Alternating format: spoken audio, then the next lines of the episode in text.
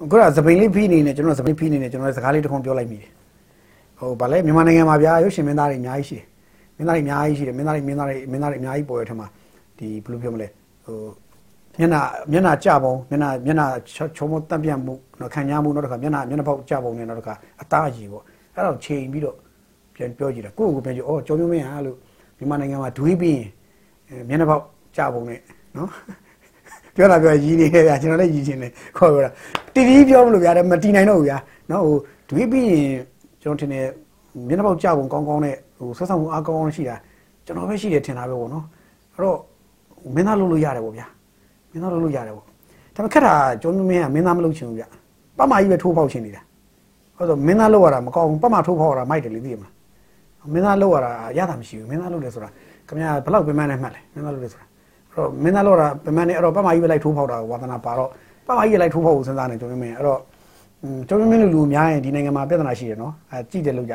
မင်းသားမလုပ်ချင်ဘူးပတ်မကြီးလိုက်ထိုးပေါက်တယ်ကျွန်တော်မင်းနေများရင်ဒုက္ခပဲလို့အဲ့တော့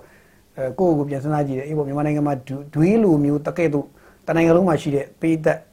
ဟိုပုရိသတွေရောပုရိသီတွေရောပုရိမတွေရောအကုန်လုံးကိုဟိုတိမ့်ပိုင်နိုင်တဲ့မင်းသားမင်းသားပုံစံမျိုးကျွန်တော်ပဲရှိတယ်လို့ပေါ့အဲ့တော့မင်းသားလုပ်ရင်ကောင်းမလားပေါ့ မင်းသမီးလုပ်ရင်ဟောပုံမင်းသားလုပ်ရင်ကောင်းမလားအဲပတ်မကြီးလိုက်ထိုးဖောက်ရင်ကောင်းမလားစဉ်းစားတာပေါ့နော်အဲ့တော့မထူပါဘူးဗျာမင်းသားမလုပ်ချင်တော့ဘူးမင်းသားလည်းမလုပ်ရတယ်မလုပ်မဲ့တူဘူးမလုပ်ချင်တဲ့တူပတ်မကြီးလိုက်ထိုးဖောက်မယ်လို့ပဲပြောပြစီဗျာနော်ပတ်မကြီးလိုက်ထိုးဖောက်ချတာပေါ့နော်ကျွန်တော်နိုင်ငံမှာအဲ့လိုလူတွေများမှကျွန်တော်ကြောက်တယ်ဗျပတ်မကြီးထိုးဖောက်ပဲကောင်းတယ်အာအဲ့တော့ပတ်မကြီးထိုးဖောက်ကြီးပြောလို့ဒီနေ့ပဲမအေးတောင်းပါဗျာခင်ဗျားတို့အားလုံးသိတဲ့အတိုင်းမအေးတောင်းကဟိုစာထွက်လာတယ်ဗျာစာထွက်လာတဲ့ခါကျတော့ဘာစာလဲဆိုတော့ဟိုဗာလဲနှစ်ရက်နေမှာ ဟိုမင်္ဂလာဆောင်မယ်ဆိုလာကချင်ဝိုက်သွားပြီပေါ့အေးတောင်းကိုကချင်ဝိုက်သွားပြီဆိုတဲ့သတင်းပေါ့အဲ့ဒါလေးထွက်လာတော့အော်အေးပေါ့ဆိုတော့အဲ့အေးတောင်းကိုကချင်ဝိုက်တယ်ဆိုတဲ့ကိစ္စနဲ့ပတ်သက်ပြီးလည်းတခါဟိုသတင်းလေးသတင်းပုံဓာတ်ပုံတွေထွက်လာတယ်ဗျာဒီဓာတ်ပုံကြည့်ပြီးတော့အမလေးကျွန်တော်တွေးနေတာဗျာရေးရေးကြတာဗျာဘာလဲဒီပုံဘာလဲဘာလဲဘာလဲနင်းကိုဘယ်လိုခေါ်လဲလူရွေးမှန်တဲ့အခါဘာညာဘာညာဘာညာပေါ့အဲအဲ့လိုရေးကြတာဗျာလူရွေးမှန်တယ်ဆိုရင်ဘာဖြစ်တယ်ညာဖြစ်တယ်ပေါ့ဗျာအဲ့လိုရေးကြတာတွေ့တယ်ဟောလူရွေးမှန်လို့ရှိရင်ပြေးရသလားပေါ့နော်စဉ်းစားကြည့်တာ ခင်ဗျာကျွန်တော်တွေးကြည့်ရတော့ဗျာလူရွေးမှန်ပြေးရတယ်ဆိုမဖြစ်နိုင်ဘူးဗျာမင်းတို့ပြေးပြီးပြီလားတို့ခင်ဗျားတို့ပြေးပြီးပြီလားတို့ပြေးပြီးပြီလားဆိုရဲပြေးပြီးပြီလားဆိုတဲ့ဟာနဲ့ဗျာဓာတ်ပုံလေးနဲ့တက်လာကြတာဗျာအေးတောင်းပြေးတာအေးတောင်းပြေးတာအေးတောင်းနဲ့သူ့သူ့သူ့သူ့ရဲ့ဒီဒီသူ့ရဲ့ဟိုဟိုဘယ်လိုခေါ်လဲခြေရဘက်ဖြစ်လာမဲ့သူနဲ့နေတော့ပြေးကြတဲ့ဟာကြီးဗျာအဲ့ဒါကြီးပြမင်းတို့ပြေးပြီးပြီလားတို့ပြေးပြီးပြီလားတို့ ਨੇ ဆိုတော့အေးတောင်းပြေးတာ၄တောင်းရလို့ပြေးတာဗျနော်အေးတောင်းပြေးတာ၄တောင်းရလို့ပြေးတာခင်ဗျားတို့ပြေးတာ ဘာမှရတယ်မရှိဘူးပြေးရတဲ့ဘောရောက်လိမ့်မယ်အဲ့တော့ဟိုနမိမကောင်းတာတွေမပြောကြပါနဲ့ဗျာဟိုလူရဲမှန်လူရဲမှန်ပြေးပြေးပြေးရတယ်ဆိုတာမပြောကြပါနဲ့တကယ်တော့လူရဲမှန်ပြေးရမှာမဟုတ်ဗျလူရဲမှန်ဇိမ်းနဲ့နှပ်ပြီးအေးစီးနေရတယ်အဲလူရဲမှန်တနိုင်လောက်ကြာတယ်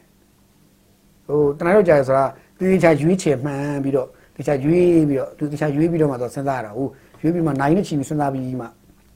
အာအေးစိနေရတယ်အဲ့ဒါမျိုးလူရင်းမှန်ရင်နိုင်နဲ့ချီပြီးကြာတယ်စဉ်းစားရတယ်ပြီးရင် လူရင်းမှန်ပြီဆိုလို့ရှိရင်ဇိမ်းနဲ့နှားပြီးတော့လုံးဝ feeling အပြည့်အာမိုက်တယ်လူရင်းမှန်ပြေးရတယ်ဆိုရင်မှားနေပြီလူရင်းမှားလို့ကိုပြေးရတာအဲ့ဒါသိကြတယ်ပြေးရတာလူရင်းမှားလို့ပြေးရတာလူရင်းမှန်ရင်ပြေးရတယ်ဆိုတာမရှိဘူးကလူရင်းမှန်လို့ပြေးရတယ်ဆိုတော့ဟိုအမျိုးသမီးတွေဆိုရင်လွဲနေပြီတခုလွဲနေပြီအဲ့မျိုးသမီးတခုလွဲနေပြီသူကလူမြင်ကောင်းအောင်သာပြေးနေရမယ်တကယ်ကျတော့အထက်မှာတပ်ပွဲတွေဖြစ်နေတာအဲ့ဒါကြောင့်ကြည့်ကြလောက်ကြအောင်လူရွေးမှန်ရင်စိန်နဲ့နှားပြီးတော့အေးအေးဆေးဆေးငြိမ့်ငြိမ့်နေတဲ့ feeling အပြည့်ရတယ်လူရွေးမှန်အေးလူရွေးမှန်ရင်တော့ ပြီးကိုလူရွေးမှန်ရင်တော့ပြီးကိုပြီးရမှာနောက်တစ်ချက်ကနော်လူရွေးမှားသည်ဖြစ်စီမှန်သည်ဖြစ်စီမှာဘိုက်ကိုဘိုက်ဘိုက်ကိုထွက်တယ်ယောက်ျားလေးမိန်းကလေးပြောတာနော်နှစ်ယောက်ဆုံးပြောတာနော်တော့ကြခင်ဗျားတို့ဟိုလိုတွေးမှာဆိုလို့လူရွေးမှန်ရင်ဘိုက်ထွက်တယ်ဟုတ်သီးလားအစားကောက်တောက်ကောက်လေးစားဘိုက်တွေထွက်လာအဲအဲ့ဒါပြောတာလူရွေးမှန်ဘိုက်ထွက်တယ်နော်အဲ့လိုမှတ်အဲ့တော့ကျွန်တော်ကဟာတာလေးတွေပြောတယ်လို့မှတ်ပါဗျာပြောစရာလေးတွေဟာတာလေးတွေပြောလို့မှတ်ပါအဲ့တော့ပြီးအဲ့ရနေပြီးတော့နောက်တစ်ခုကိုဆက်ဆက်တွေးကြပါလူရေးမှန်ရင်စိမ့်နဲ့အေးအေးဆေးဆေးနေရတယ်ကောင်းကောင်းမနေရမယ် လူရေးမှန်ရင်တော့ပြေးကိုပြေးရမယ်ဗျအဲအဲ့ဒါအဲ့ဒါတော့သိကြတယ်နော်နောက်တစ်ခုကတော့ကျော်မင်းမင်းလို့ကျော်မင်းမင်းလို့မင်းသားမင်းသားလည်းမင်းသားမလုပ်ချင်လို့ပတ်မကြီးထိုးဖောက်တဲ့လူတွေများမှစိုးတယ်ဗျအဲ့ဒါလေးကိုကျွန်တော်ကြုံလုံးလေးထည့်ပြောတာနော်ကျွန်တော်ကျွန်တော်ကိုကျွန်တော်ပြောတာပါသူများလည်းပြောရဲပါဘူးဘာလို့သူများပြောဖို့တော့ကိုယ့်ကိုယ်ရင်စလည်းညှို့ထိုးရတယ်ဆိုလို့ပါအဲအဲ့တော့ဒီနေ့ဘာတွေရှိလဲဆိုတဲ့သတင်းလေးတွေပေါ့ဒီနေ့ဘာတွေရှိလဲဆိုတဲ့သတင်းမတိုင်မီမှာမနေ့ကညဘာဖြစ်လဲဆိုတော့စပြောအောင်ဖြစ်တယ်မနေ့ကညဘာဖြစ်လဲဆိုတော့မြောက်ရီချစ်ချီဂိတ်အုံးနေဖြစ်သွားတယ်ပေါ့ဗျာအုံးနေဖြစ်သွားတယ်ပေါ့ချစ်ချီဂိတ် ချစ်ကြီးရဲ့ gate ဒီ gate တကားပေါ့ gate ကတော့အဲ့မှာသူဒီချစ်ကြီးရဲ့ gate မှာဖြတ်သန်းတဲ့လာဝကစင်းစရာရှိတဲ့နေရာလို့လာဝကရဲ့စင်းစရာတွေပေါ့ဗျာဒီမှာစားရစားရရှိတဲ့နေရာလို့သိရတယ်ဆိုတော့အဲ့ရှိတဲ့ဟာကိုတဲ့မြောက်ရီမျိုးရင်းဘက်ကနေပြီးတော့တရားဘက်ကိုသူကဒီရင်မျိုးစားပေါ့ provoke လို့ယူဆရတယ် provoke လို့ယူဆရင်မြင်ရလူမောင်းသူမဲ့ကြီးကမောင်းသူပါမလာဘဲနဲ့ဝေါ်ဆိုဝင်ပြီးတော့အုံဆိုပြီးဝင်တိုက်ပလိုက်တယ်မောင်းသူမဲ့တော့မဟုတ်ဘူးကကြည့်ရတာ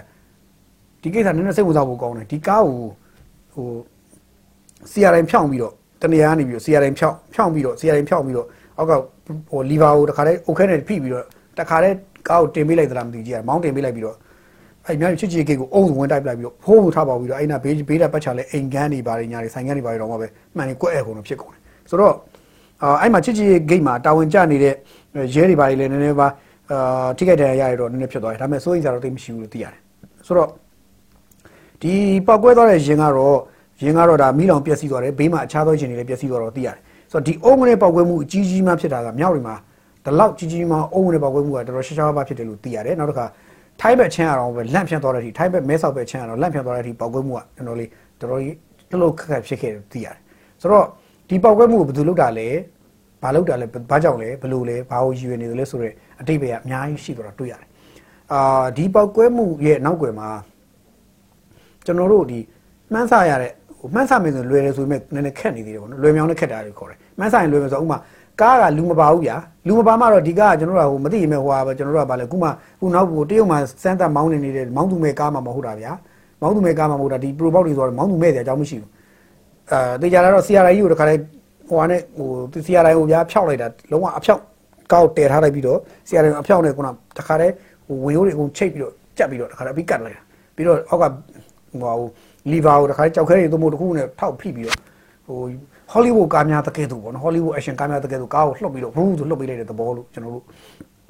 ယူဆရတယ်အဲ့တော့အဲ့လိုလှုပ်ဖို့တက်ကိုလည်းကားမိုင်နဲ့ချီရှည်လို့မရဘူးပောက်ကွဲမှုဖြစ်တဲ့နေရာနဲ့ကားနဲ့အများဆုံးရှိရင်ဟိုမီတာ100ပတ်ချလဲပဲရှိရမယ်ကြော်တဲ့အကြောင်းမရှိဘူးအဲ့တော့မီတာ100ပတ်ချလဲအတွင်းမှာပဲအဲ့ဒီလူကလှုပ်သွားတာလို့ယူဆလို့ရတယ်အဲ့တော့မီတာ100ပတ်ချလဲအတွင်းမှာလူတွေအိတ်ကောင်းခါစားအချိန်လေးမှာဒီလိုလှုပ်ချသွားတယ်ဆိုတာကဘယ်လိုလူတွေလှုပ်တာလဲ ဘယ်လိုတွေဖြစ်တာလဲဆိုတာတော်တော်လေးစိတ်ဝင်စားဖို့ကောင်းတယ်အဲ့တော့အဲ့ဒါကိုတော့ရဲတပ်ဖွဲ့ကတော့စုံစမ်းစစ်ဆေးမှုတွေလုပ်နေတယ်ပေါ်ထုတ်မှုတွေစူးစမ်းမှုတွေလုပ်နေတယ်လို့သိရတယ်ဘယ်လိုပဲဖြစ်ဖြစ်ဒီပောက်ကွဲမှုဟာလိုက်မယ်ဆိုရင်တော့ shoot down point တူပါတယ်တူတူရှင်းရှင်းနဲ့လိုက်လို့ရပါတယ်ဘယ်သူလုပ်တယ်ဆိုတာကိုပေါ်နိုင်ခြင်းရှိပါတယ်အဲသို့တော်လည်းအဲဒီနေ့ထိတော့ဒီနေ့ထိတော့ဒီနေ့ထိတော့ဘယ်သူလုပ်တယ်ဆိုတာတော့သတင်းတော့မထွက်သေးဘူးပေါ့ဗျာအဲ့တော့သတင်းမထွက်သေးပေမဲ့တချို့ကတော့ဘယ်လိုလုပ်လဲဆိုတော့ပထမတော့အမေဒီညမြောက်ရီရဲ့အခြေအနေကိုလာကြည့်ကွာလာရှိုးလိုက်စမ်းကွာမင်းတို့မင်း တို့တွေးလာဆိုတော့အမျိုးတစ်ဖက်ကအားပါမယ်လက်တိလက်မောင်းတိုင်းပြီးတော့သူတို့လုပ်တယ်လို့မျိုးသူတို့ဘက်တော်သားတွေလုပ်တယ်လို့မျိုးသူတို့တချို့ကြွေးကြော်တယ်ပေါ့အဲ့လိုကြွေးကြော်ပြီးတော့နိုင်ပိုင်းလေးတော့မကြပါဘူးဗျာနိုင်ပိုင်းပဲကြားတယ်ဒါကလည်းအချင်းချင်းပြန်ပြီးတော့ထိုင်းနဲ့ရန်တိုက်ပြီးတဲ့အကွက်တွေကိုသုံးတာပါတဲ့စစ်တပ်ကလုပ်တာပေါ့ဗျာပြောချင်တာအဲ့လိုပြောခုနကသူတို့ပြောတာသူတို့ဘက်ကလုပ်တယ်လို့မျိုးကြွေးကြော်တယ်ပြီးဒီဘက်ကကျတော့ပြီးလေပြောနိုင်ပိုင်းတော့မကြဘူးစကားကိုပြောင်းမြန်ပြန်ပြောတယ်ကျွန်တော်အဟောတာဟိုတမျိုးဆိုတမျိုးပဲဖြစ်ရမှာပေါ့ဗျာပြောချင်တာသူတို့လုပ်ဖွဲ့လုပ်တယ်လို့ကြွေးကြော်ခြင်းနဲ့ကြွေးကြော်လိုက်ပေါ့ဗျာ ကြွေးကြော်တော့လည်းကြွေးကြော်တယ်ပြီးတော့မှကြွေးကြော်ပြီးတော့မှအေးလာဝါလာနဲ့အောင်ဝဲခံတော့မလဲအတိုင်းဖြစ်ပြီးပြီးကမှဒီဘက်လည်းရောက်ကိုတိတ်မကြောက်နိုင်ပဲတော့မချဘူးချက်ချင်းစကားပြောင်းသွားဒါတဲ့ထိုင်းဘက်နဲ့ထိုင်းနဲ့ဒီ PDF တွေနဲ့ကိုရန်တိုက်ပေးခြင်းနဲ့အတိတ်ပဲနဲ့ဒါနှစ်ချက်ကွက်တွေလောက်တာပေါ့သူတို့လောက်တာသူတို့ကရဲတွေစစ်တပ်တွေသူမို့ဒီဟိုလုံခြုံရေးတပ်ဖွဲ့တွေလောက်တာပေါ့ဗျာအဲ့လိုပြန်ပြောတယ်ဆိုတော့ဟိုဘာပြောလဲစကားကိုဒီလိုပြောတတ်ဖို့ဆိုလည်းနည်းနည်းနော် ဟွာတော့မဟုတ်ဘူးလေဗျာနည်းနည်းနော်ဟိုတတ်တီတော့မဟုတ်ဘူးဘာတတ်တီလဲတော့ခဏဟိုအရင်တော့ပြောပြောပြီးပြီကျွန်တော်ပြောတော့နည်းနည်းတတ်တီတော့မဟုတ်ဘူးစကားတစ်ခုံစကားတစ်မျိုးကိုဗျာစကားဒီဒီဒီအကြောင်းအရာလေးကိုပဲစကားကိုဒီလိုပြောတယ်ဒီလိုပြောတယ်ဒီလိုပြောတယ်ဒီလိုပြောတယ်ဒီလိုဒီလိုပြောတာတော့ဟဲ့တော်တော်လေးတော့ဖြစ်တယ်ဗျာကျွန်တော်တို့မပြောရဘူးအဲဒါစကားကိုဘလောက်ဟမ် sorry စကားအဲ့လိုမျိုးဟိုလိုဒီလိုမပြောရဘူးပေါ့ဗျာပြောရဘူးပေါ့ဆိုတော့ အဲ့လိုရေးတဲ့အဖွဲ့လေးရှိတယ်အဲ့ဒီအဖွဲ့တွေကဟာကိုအောက်က comment နေနဲ့ပေါ်လို့ရရအေးအေးအေးနဲ့ပြောတယ်ပြီးတော့ပြောဟုတ်တယ်ကွာဟုတ်တယ်ကွာဟုတ်တယ်ပြောတယ်အော်အေးကြည့်ပြီးတော့ပြုံးတော့ပြုံးရတယ်ဗျာဘာလို့ဆိုတော့အဲသူ့စီနဲ့သူ့ဆက်ကတော့ဟုတ်နေတာပဲဘာလို့အရင်တော့ဆိုလေအဲ့ဒီအဲ့ဒီအဲ့ဒီလူပဲဘာပြောလဲဆိုတော့အာ UNG မှာ၄ဓာတ်တောင်ရှိနေပြီပေါ့၄ဓာတ်တောင်ရှိနေပြီဆိုတော့လွန်ခဲ့တဲ့6လ9လလောက်ကမဲသူ Facebook မှာတက်ရထားတယ် UNG မှာ၄ဓာတ်ရှိနေပြီဥယျာဉ်မွေပြောကြချက် UNG မှာ၄ဓာတ်ရှိနေပြီကျွန်တော်တို့တော်တော်စဉ်းစားတာ၄ဓာတ်တက်တိဆောက်တာအဲ့လိုလွယ်သလားပေါ့ အဲ့လိုရေးခဲ့ဘူးတယ်အဲ့ဒီ post တွေခုတည်းရှိသေးတယ်ဩအေးလို့ဒါခါကြောက်လေတချို့ကိစ္စတွေကဟိုကျွန်တော်တို့ကဖြစ်နေတဲ့ဖြစ်စဉ်ကတသက်သူတို့ကသူတို့လက်တိလက်မောင်းတနာတသက်နောက်တစ်ခါပြီးတော့မှနောက်တစ်ခုပြန်ပြောတာတသက်အောက်ကလူတွေကသူ့ပျော်နေတာတသက်မြေမှာဖြစ်နေတာတသက်တယောက်တစ်ခုစီဖြစ်နေဘာမှမဆိုင်ဘူးအဲ့လိုတော့ဖြစ်နေတာတွေ့ရတယ်အဲ့တော့မြောက်ရီကိစ္စကတော့ဟိုလက်တယ်မပေါ်သေးဘူးပေါ့ဗျာအခုထိတော့လက်တယ်မပေါ်သေးဒါမဲ့လည်းလက်တယ်ပေါ်ပေါ်မပေါ်ပေါ်ခုနစကားကိုဒီလိုပြောတယ်ပြီးဒီလိုပြောတယ်ဒီလိုပြောတယ်ဒီလိုပြောတယ်ဒီလိုပြောတယ်ဗျာ လက်ဖုံးလက်ဖုံးကိုဒီလက်ကိုဒီလိုလိုလိုလှမ်းမောက်ပြီးတော့ပြောနေရမျိုးပေါ့ဗျာအဲ့တော့ပြောရတဲ့တတိရှိရလဲဝမ်းသာပါတယ်နော်ဘာပြောဒီလူတွေရှိလို့လဲဒီတိုင်းပြည်ကရှေ့ကိုခီးရောက်နေတာဒီခီးရောက်နေတာဟုတ်ဗျာနော်ဒီလိုမှတ်ပါတယ်အဲအဲ့တော့မြောက်ရီကိစ္စဖောက်ပြီးပြောပြီးတဲ့ခါကျတော့ဘာထူးသွားလဲဆိုတော့ဒီနေ့မှာစာဆောင်ထွက်လာတယ်ဘာစာလဲဆိုတော့ဒီ KNU ရဲ့ဗဟိုစစ်ဌာနချုပ်ရဲ့စေဦးစီချုပ်ဗိုလ်ချုပ်ကြီးစောဂျော်နီကနေပြီးတော့ညွှန်ကြားချက်စာတစ်စောင်ထုတ်ထားတယ်တက်မဟာ6နဲ့တက်မဟာ9ကို तू က တက်မဟာမူးတွေကိုသတိပေးတာထုတ်တယ်တက်မဟာ6တက်မဟာ9တက်မဟာမူးတွေကိုသတိပေးတာထုတ်တယ်အဲ့ဒါဘာလဲဆိုတော့ဒီညွှန်ကြားချက်ပေးဖို့ခြင်းတဲ့အဲ့မှာအထက်ပါအကြောင်းအကိစ္စနဲ့ပတ်သက်ပြီးတော့ KNU ကရင်မျိုးသားအစည်းအရုံးဗဟိုအလုပ်မှုဆောင်ကော်မတီရဲ့ဆုံးဖြတ်ချက်အရမြဝတီကော့ဂရိတ်အာရှလမ်းကြီးပေါ်မှာတွာလာပြေးဆွဲနေတဲ့ခီးတဲ့မော်တော်ယာဉ်များအရသာကားများကုန်တင်မော်တော်ယာဉ်များကိုအကြောင်းမဲ့နှောက်ယှက်ပစ်ခတ်ခြင်းမီးရှို့ဖျက်ဆီးခြင်းများမပြုလုပ်ရန် သက်ဆိုင်ရာမိမိတို့တပ်မဟာတပ်ရင်းအတွင်းအောက်ခြေအစဉ်စဉ်ရှိတပ်မှုများတပ်သားတို့ကိုထပ်မံညွှန်ကြားရန်နှင့်ဤညွှန်ကြားချက်ကိုလိုက်နာမှုမရှိဘဲဖောက်ဖျက်ကျူးလွန်ပါကလိုအပ်သလိုအရေးယူဆောင်ရွက်ခြင်းခံရမည်ဖြစ်သည်ဒါကဒီဗိုလ်ချုပ်ကြီးစောဂျော်နီ KNU ရဲ့ဗဟိုစစ်ဌာနချုပ်ရဲ့စစ်ဦးစီးချုပ်ကထုတ်ပြန်တာ23ရက်နေ့ဒိတ်နဲ့မနေ့ကဒိတ်နဲ့ထုတ်ပြန်တာတွေ့ရတယ်မနေ့ကအုံငနဲ့ပောက်ကွဲမှုဖြစ်ပြီးတော့မဖြစ်ခင်လေးနဲ့ကျွန်တော်ထင်တယ်မဖြစ်ခင်ထုတ်ပြန်တဲ့သဘောလို့ယူဆလို့ရတယ်မဖြစ်ခင်ဆိုတာဥပမာ ဘာလို့ဖြစ်တာညဘက်မှာဖြစ်တာဗျာပောက်ကွဲညမှာဖြစ်တာစားကမနေ့ကဒိတ်နဲ့ဆိုတော့မနေ့ကဒိတ်နဲ့ဆိုတဲ့အခါကျတော့တေချာတာတော့မနေ့ကဒိတ်နဲ့နေ့လယ်ပိုင်းနောက်ထုတ်ရင်ထုတ်လိုက်လိမ့်မယ်ညနေဆောင်ထုတ်ရင်ထုတ်လိုက်ထုတ်ပြီးသိမကြရင်မအုံနဲ့ပောက်ကွဲမှုဖြစ်တယ်ဆိုတဲ့သဘောပေါ့ဗျာအဲ့တော့ဒါဒီနှစ်ခုကဆက်ဆက်နေသလားဆိုတဲ့မေးခွန်းလေးလဲဒါအစတော့ရှိသွားပြီဆက်ဆက်နေသလားလို့မေးရင်တော့စိတ်ဝင်စားဖို့ကောင်းတဲ့ချင်းအရာတွေတော့အများကြီးဖြစ်ပေါ်နေတယ်လို့ပြောလို့ရတယ်တခါဒီနေ့ဒီနေ့ KNU ဘက်ကတခါ KNU ဘိုး KNU ဘိုးဘက်ကနေထုတ်ပြန်လာတဲ့ video file တစ်ဖိုင်ရှိတယ်ကျွန်တော်ကြည့်လိုက်ရလားတော့မသိဘူးအဲ့ဒီမှာဒီ KNU ရဲ့ အာ KNU ရဲ့ဒီ CEC ပေါ့ CEC CEC အဖွဲ့ဝင်တယောက်ဖြစ်တဲ့ဖရိုစောတမိုင်ထွန်းဘိုးလုံးမှုဆောင်ကော်မတီဝင် CEC လို့ခေါ်တယ်ဘိုးလုံးမှုဆောင်ကော်မတီဝင်ဖရိုစောတမိုင်ထွန်းရဲ့ပြောကြားချက်ကို KNU ထုတ်ပြန်တဲ့ video file လေးရှိတယ်အဲ့ video file ကိုကျွန်တော်လည်းနားထောင်ကြည့်လိုက်တယ်နားထောင်ကြည့်တဲ့အခါသူ့ရဲ့ video file point မှာတော့သူကရှေ့ရှေ့မှာပြောနေကြအတိုင်းပဲပေါ့ဗျာသူတို့ရှေ့မှာဆွေးနွေးတွေဘာဖြစ်တယ်ညာဖြစ်တယ်မယုံကြည်တဲ့အကြောင်းယုံကြည်တဲ့အကြောင်းဘာဖြစ်တဲ့အကြောင်းညာဖြစ်တဲ့အကြောင်းပြောပြီးမြဲ အဲ့ချက်မှာအရေးကြီးဆုံး point တွေနဲ့ပါလာတာဘိုလ်ချုပ်ကြီးမင်းအောင်လှိုင်ရဲ့ဖိတ်ကြားချက်ကိုယုံကြည်ခြင်းမယုံကြည်ခြင်းကိစ္စတွေပြောနေတာပေါ့ဗျာသိပြီးမကြိုက်တဲ့ပုံစံမျိုးတွေသိပြီးတော့ဟိုအာဆွန်သူနီးပြွာမဟာပြွာရှိတယ်ပေါ့နီးပြွာရသွားတွေ့ရမယ်ဆိုတော့တွေ့ပေါ့တွေ့ရမှုလည်းမတွေ့ဘူးပေါ့တွေ့ဖို့လိုရတယ်ဆိုတွေ့ရတွေ့မှုလုံးမတွေ့ဘူးပေါ့ဗျာအဲဒါမျိုးပေါ့သို့တော့အဲ့ဒီဟာကတော့သူတို့ရဲ့မူဒါပေမဲ့ထူးခြားတာကအဲ့ဒီမှာတစ်ချက်ပါလာတာကပါလာတဲ့တကူက PDF မပါဘဲနဲ့ဆွေးနွေးမှုလုပ်မယ်ဆိုရင်မြန်မာပြည်ငင်းချရေးမရနိုင်တော့ဘူးဆိုပြီးတော့ KNU ရဲ့ဗဟိုအလုပ်မှုဆောင်အဲ့ဒီကော်မတီဝင်ပရိုစောတမိုင်ထွန်းကပြောပြောလိုက်တဲ့အကြောင်းအရာ ဆိုတော့အဲ့ဒီသုံးခုကိုကျွန်တော်တို့ point ခြုံပြီးတော့ကျွန်တော်ဒီခုတစ်ခုလည်းပြန်ပြီးတော့ချိတ်ပြီးသုံးသပ်ကြည့်ချင်ပါတယ်အဲ့တော့အာမြောက်ချီချီခေပေါက်ကွဲတဲ့ကိစ္စကိုခုနကျွန်တော်အကြမ်းပြောပြီးသွားပြီဒါသည်ထိုင်းနဲ့မြန်မာနဲ့နေဆက်ကုံသွေးရေးနဲ့ဆက်ဆက်တဲ့နေဆက်ဟိုဘက်ဒီဘက်ကူးမဲ့ဟာပတ်သက်တဲ့ဂိမ်းမှာရှိတဲ့စားရစားရနေကိုစားစားရနေတရားတဲ့ပျောက်ပြက်မှုဖျောက်ပြက်မှုတော့ပျောက်ပြက်မှုတော့ဖြစ်ပဲသဘောရှိတယ်စားစားရနေကတေချာပေါက်ဒီဖြက်စီးပျက်စီးသွားမဲ့သဘောတော့ရှိတယ်ဘာလို့ဆိုတော့ဒီပောက်ကွဲမှုရဲ့ဓာတ်ပုံတွေထွက်လာတဲ့ဟာမှာတော်တော်ကြီးကြီးမားမားပောက်ကွဲမှုလို့ပြောလို့ရတယ်ကောင်းပြီအဲ့တော့ တခါဒီအာရှလန်မြောက်ရီကော့ဂရိတ်အာရှလန်ကိုဖျက်ဆီးမှုကိစ္စနဲ့ပတ်သက်ရင်လေလွန်ခဲ့တဲ့လတွေတုန်းကပြီးခဲ့လွန်ခဲ့တဲ့လွန်ခဲ့တဲ့ဒီလအစောပိုင်းတွေတုန်းကအားလုံးသိတဲ့အတိုင်းပဲအာဒီလမဖျက်ဖို့ဆိုပြီးတော့ KNLA KNDO အုပ်စုတွေကသူကတတိပေးတာထုတ်တယ်ထုတ်ပြီးတဲ့နောက်ဖျက်ဆီးတဲ့ကားတွေကိုမီးရှို့တယ်မီးရှို့တယ်ဆိုတဲ့နေရာမှာကျွန်တော်ကအဲ KNU KNL မီးရှို့ပါ KNN KNL KNDO ကမီးရှို့ပါတယ်လို့ကျွန်တော်ကတိုက်ရိုက်ပြောချင်တာမဟုတ်ဘူးမီးရှို့ကြောင်းဖြစ်တဲ့သက်သေဗီဒီယိုဖိုင်ထွက်လာတာကိုအားလုံးလည်းမြင်ပြီးသားဖြစ်လိမ့်မယ် ကျွန်တော်ကတီးခြားထွင်ဖောက်ပြီးတော့အဲ့ဒီမှာထိုင်ပြီးတော့အပေါ်နဲ့ပြူပြဲပြီးတော့ဟိုအပေါ်ကနေပြီးတော့တခါတည်းကြည်နေတာမဟုတ်ဘူးဖြစ်နေတဲ့မျိုးဝင်သို့တော့ထွက်လာတဲ့ဗီဒီယိုဖိုင်တွေမှာတွေကထွက်လာတဲ့ပုံစံကြည့်လိုက်တာ KNL KN KNDO အုပ်စုတွေကဆိုတာတေချာသွားတယ်ပေါ့ဗျာဗီဒီယိုဖိုင်မိုက်ထွက်လာတယ်ဒါတော့ကြည့်ဘူးလည်းကြည့်ဘူးကြပါလိမ့်မယ်အဲ့ဒီမှာလည်းရှင်းရှင်းလေးမင်းတို့ငါတို့ပြောထားတယ်မဟုတ်ဘူးလားဆိုတဲ့စကားမျိုးပေါ့အဲ့လိုဆိုတော့တေဂျာတာကတော့ဒါသူတို့ဘက်ကမီးရှို့ခဲ့တယ်ဒီလိုမီးရှို့ခဲ့တဲ့အတွက်ကားတွေလည်းမီးလောင်ပျက်စီးတယ်ခီးတွေလည်းဒုက္ခရောက်ကြတယ်ကုန်စည်စည်းစိမ်မှုကအတိုက်တာတို့တိ ခက်ခဲသွားတယ်တိုးတော့လည်းအဲ့ဒီမှာထူးခြားတာလေးကြားတာပေါ့ဗျာအာဖြတ်တန်းခြင်းတော့အဲဂျားမပွဲသားရရှိတယ်ပွဲကစားရရှိတယ်ကားနံပါတ်ပြောပါမယ်ဟိုပုံစံပါတီပါမယ်ဆိုတော့ပြောပြီးလို့ရှိရင်အဲဆက်ကြီးသဘောမျိုးပေါ့ဗျာသူတို့ခါချင်းကိုပေးဆောင်ပြီးတော့ဖြတ်အဲ့ဒီကားနံပါတ်ကိုမြင်တာနဲ့သူကခြုံဘေးဘေးဒီတော်ရင်ကားလမ်းဘေးရဲ့တောကနေပြီးခြုံဆက်နေရတယ်ရှိုးနေတာပေါ့ဗျာသူတို့ဂိတ်တွေပါရှိမှာအဲ့ဒါတွေရှိုးနေမှာ point တွေပဲရှိမှာပေါ့ဗျာရှိုးနေပြီးဒီကားနံပါတ်ဒီကားနံပါတ်ဒီငါတို့ပေးထားတယ်ပတ်စံပေးထားတဲ့ကားကြည့်လိုက်တယ်အဲ့ဒါငါတို့ပတ်စံပေးထားတဲ့ကားအဲ့တော့ဖြတ်စီဖြတ်စီ မပေးတဲ့ကားလားလှုပ်ထည့်လိုက်တော့ဆိုရက်ဟာမျိုးလဲရှိခဲ့တယ်လို့ကြားတယ်အာကြားတယ်ဆိုတော့အခါကျတော့ပေးခဲ့တဲ့လူတွေရဲ့ရှိရှိကြားတဲ့သတင်းမှာသို့တော်လဲအာဒီလိုအကြောင်းအမျိုးတွေကခုနကကျွန်တော်ခဏခဏပြောသလိုကိုယ်တိုင်ကဒီလိုကြကြနနာဒီလိုကိုမျက်စိရှိအောင်တယ်ကိုတို့တိုင်းကြည်ပြူးရကြည့်နေရတယ်မဟုတ်တဲ့အတွက်ပြောရခက်တယ်သို့တော့တရေကတော့ထွက်လာခဲ့တယ်ပေါ့ဗျာဆိုတော့အရေးအကောင်ရှိလို့အရေးထင်တာပေါ့ဗျာတချို့ຢာတွေကသတင်းထွက်တယ်ဆိုတာအကောင်ရှိရင်အရေးထင်တယ်အကောင်ရှိလို့အရေးထင်တာလို့ပြောချင်တာပေါ့ နော်မဟုတ်ရင်အကောင်မရှိရင်တော့ဖယ်အရေးထင်မလဲနော်အကောင်မရှိမနဲ့အရေးထင်တယ်ဆိုရင်တော့တခုတော့လွဲနေပြီပေါ့နော်အဲအဲအဲ့ဒါနဲ့လွဲနေတဲ့သဘောပေါ့နော်โอเคအဲ့တော့ဒီဖြတ်တန်းမှုကြီးကိုသူတို့ဘက်ကတားခဲ့ဘူးလေအခုရက်ခိုင်းနေရက်ခိုင်းနေဆိုတဲ့ကိစ္စကအကြောင်းတော့ရှိပုံရတယ်သွားချက်ရှိသွားပါဆိုတဲ့ပုံစံမျိုးပြန်ပေးပုံရတယ်ဒါကအာဒါကအခြားနောက်ွယ်မှာမြုပ်နေတဲ့အကြောင်းကိုရှိဖို့ရပါတယ်တချို့ကတော့ time ဘက်ကနည်းနည်းလေးခေါ်ပြီး KNU နဲ့လူတွေကိုခေါင်းဆောင်ပိုင်းတွေကိုခေါ်ပြီးစကားပြောခဲ့ပုံရတယ်လို့ယူဆတယ်။ ဘာလို့ဆိုတော့ထိုင်းမြန်မာနယ်စပ်ကုန်သွယ်ရေးကကျွန်တော်ပြောမှုတဲ့ bat bat 10 billion နဲ့အထက်မှာရှိတယ်လို့ပြောခဲ့ပူတယ်။ bat 10 billion နဲ့အထက်မှာရှိတယ်။ဒီကုန်သွယ်ရေးလမ်းကြောင်းပေါ်ကနေထိုင်းကအကျိုးမြတ်အများဆုံးရတယ်။မြန်မာထက်ထိုင်းကပိုရတယ်။ရလို့လဲထိုင်းကလာပြီးတော့လမ်းမှာခင်းပေးပြီးတော့တို့တို့ဒီကွန်ရက်တွေကြီးကြီးဖန်တီးဖို့ကြိုးစားတာပေါ့ဗျာ။ဒီလမ်းကလည်းငကိုတွေကဟိုအာရှလမ်းတွေတဲ့အာရှချိတ်ဆက်လမ်းမကြီးရဲ့လမ်းကြီးတစ်ခုကိုအဲ့တော့ထိုင်းရလာပြီးပြမခံခင်းပေးထားတယ်လမ်းလည်းဖြစ်တယ်အဲ့တော့ဒီလမ်းပေါ်မှာ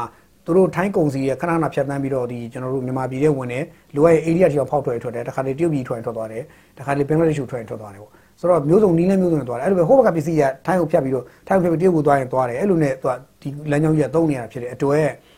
ဒီလမ်းကြောင်းတရုတ်ထိုင်းနိုင်ငံအတွက်တော်တော်အရေးကြီးတယ်ဆိုတော့ထိုင်းကလည်းသူ့နေသက်ကုန်သွယ်ရေးကိုထိခိုက်ထိပါလာပြီဆိုရင်သူ့မို့ထိုင်းနေသက်မှာရှိတဲ့သူ့ရဲ့ကုန်သွယ်စီးပွားရေးလုပ်ငန်းရှင်ထိပါလာပြီဆိုရင်ထိုင်းက နည်းနည်းတော့သူလည်းစဉ်းစားပုံရတယ်ဒါကြောင့်သူခေါ်သတိပေးခဲ့ပုံလေးရမယ်ထင်ပါတယ်ဒါကြောင့်ဒီ KNU ထိပ်ပိုင်းကောင်းဆောင်တွေဘက်ကလည်းနည်းနည်းစဉ်းစားတော့ပုံရတယ်နောက်တစ်ခုကဒီဘက်ကကုန်သွယ်ရေးလမ်းကြောင်းနဲ့ပတ်သက်ပြီးတပ်ဘက်ကလည်းဒီ NASA ကဘက်ကလည်းဟိုထိပ်ပိုင်းကောင်းဆောင်တွေစီကိုလမ်းပြီးတော့အကြောင်းကြားပုံရတယ်ဒါကြောင့် KNU ရဲ့ဒီထိပ်ပိုင်းကောင်းဆောင်တွေက CEC အစည်းအဝေးတွေပါလောက်ကြမှာပေါ့ဗျာလုံရင်းနဲ့ဆုံးဖြတ်မှာပေါ့ဆုံးဖြတ်ပြီးတော့မကဲငါတို့အရင်ဆုံးထုတ်ပြန်တဲ့နာဒါဒုတိယထုတ်ပြန်တဲ့နာဒါတက်တဲ့ထုတ်ပြန်တဲ့နာဒါဆိုတဲ့ဟာမျိုးအစင်လိုက်အတွဲလိုက်ထုတ်ပြန်လာတဲ့သဘောလို့ယူဆရတယ်။ဟိုပထမတစ်ဆင့်နဲ့သူတို့ထုတ်ပြန်လိုက်တာကဒီလမ်းကိုဖြတ်တန်းခွင့် ဖြတ်တန်းခွင့်နေနဲ့ပတ်သက်လို့မတားနဲ့တော့တဲမှာ6နဲ့ခွန်မင်းတို့မတားနဲ့တော့ခွင့်ပေး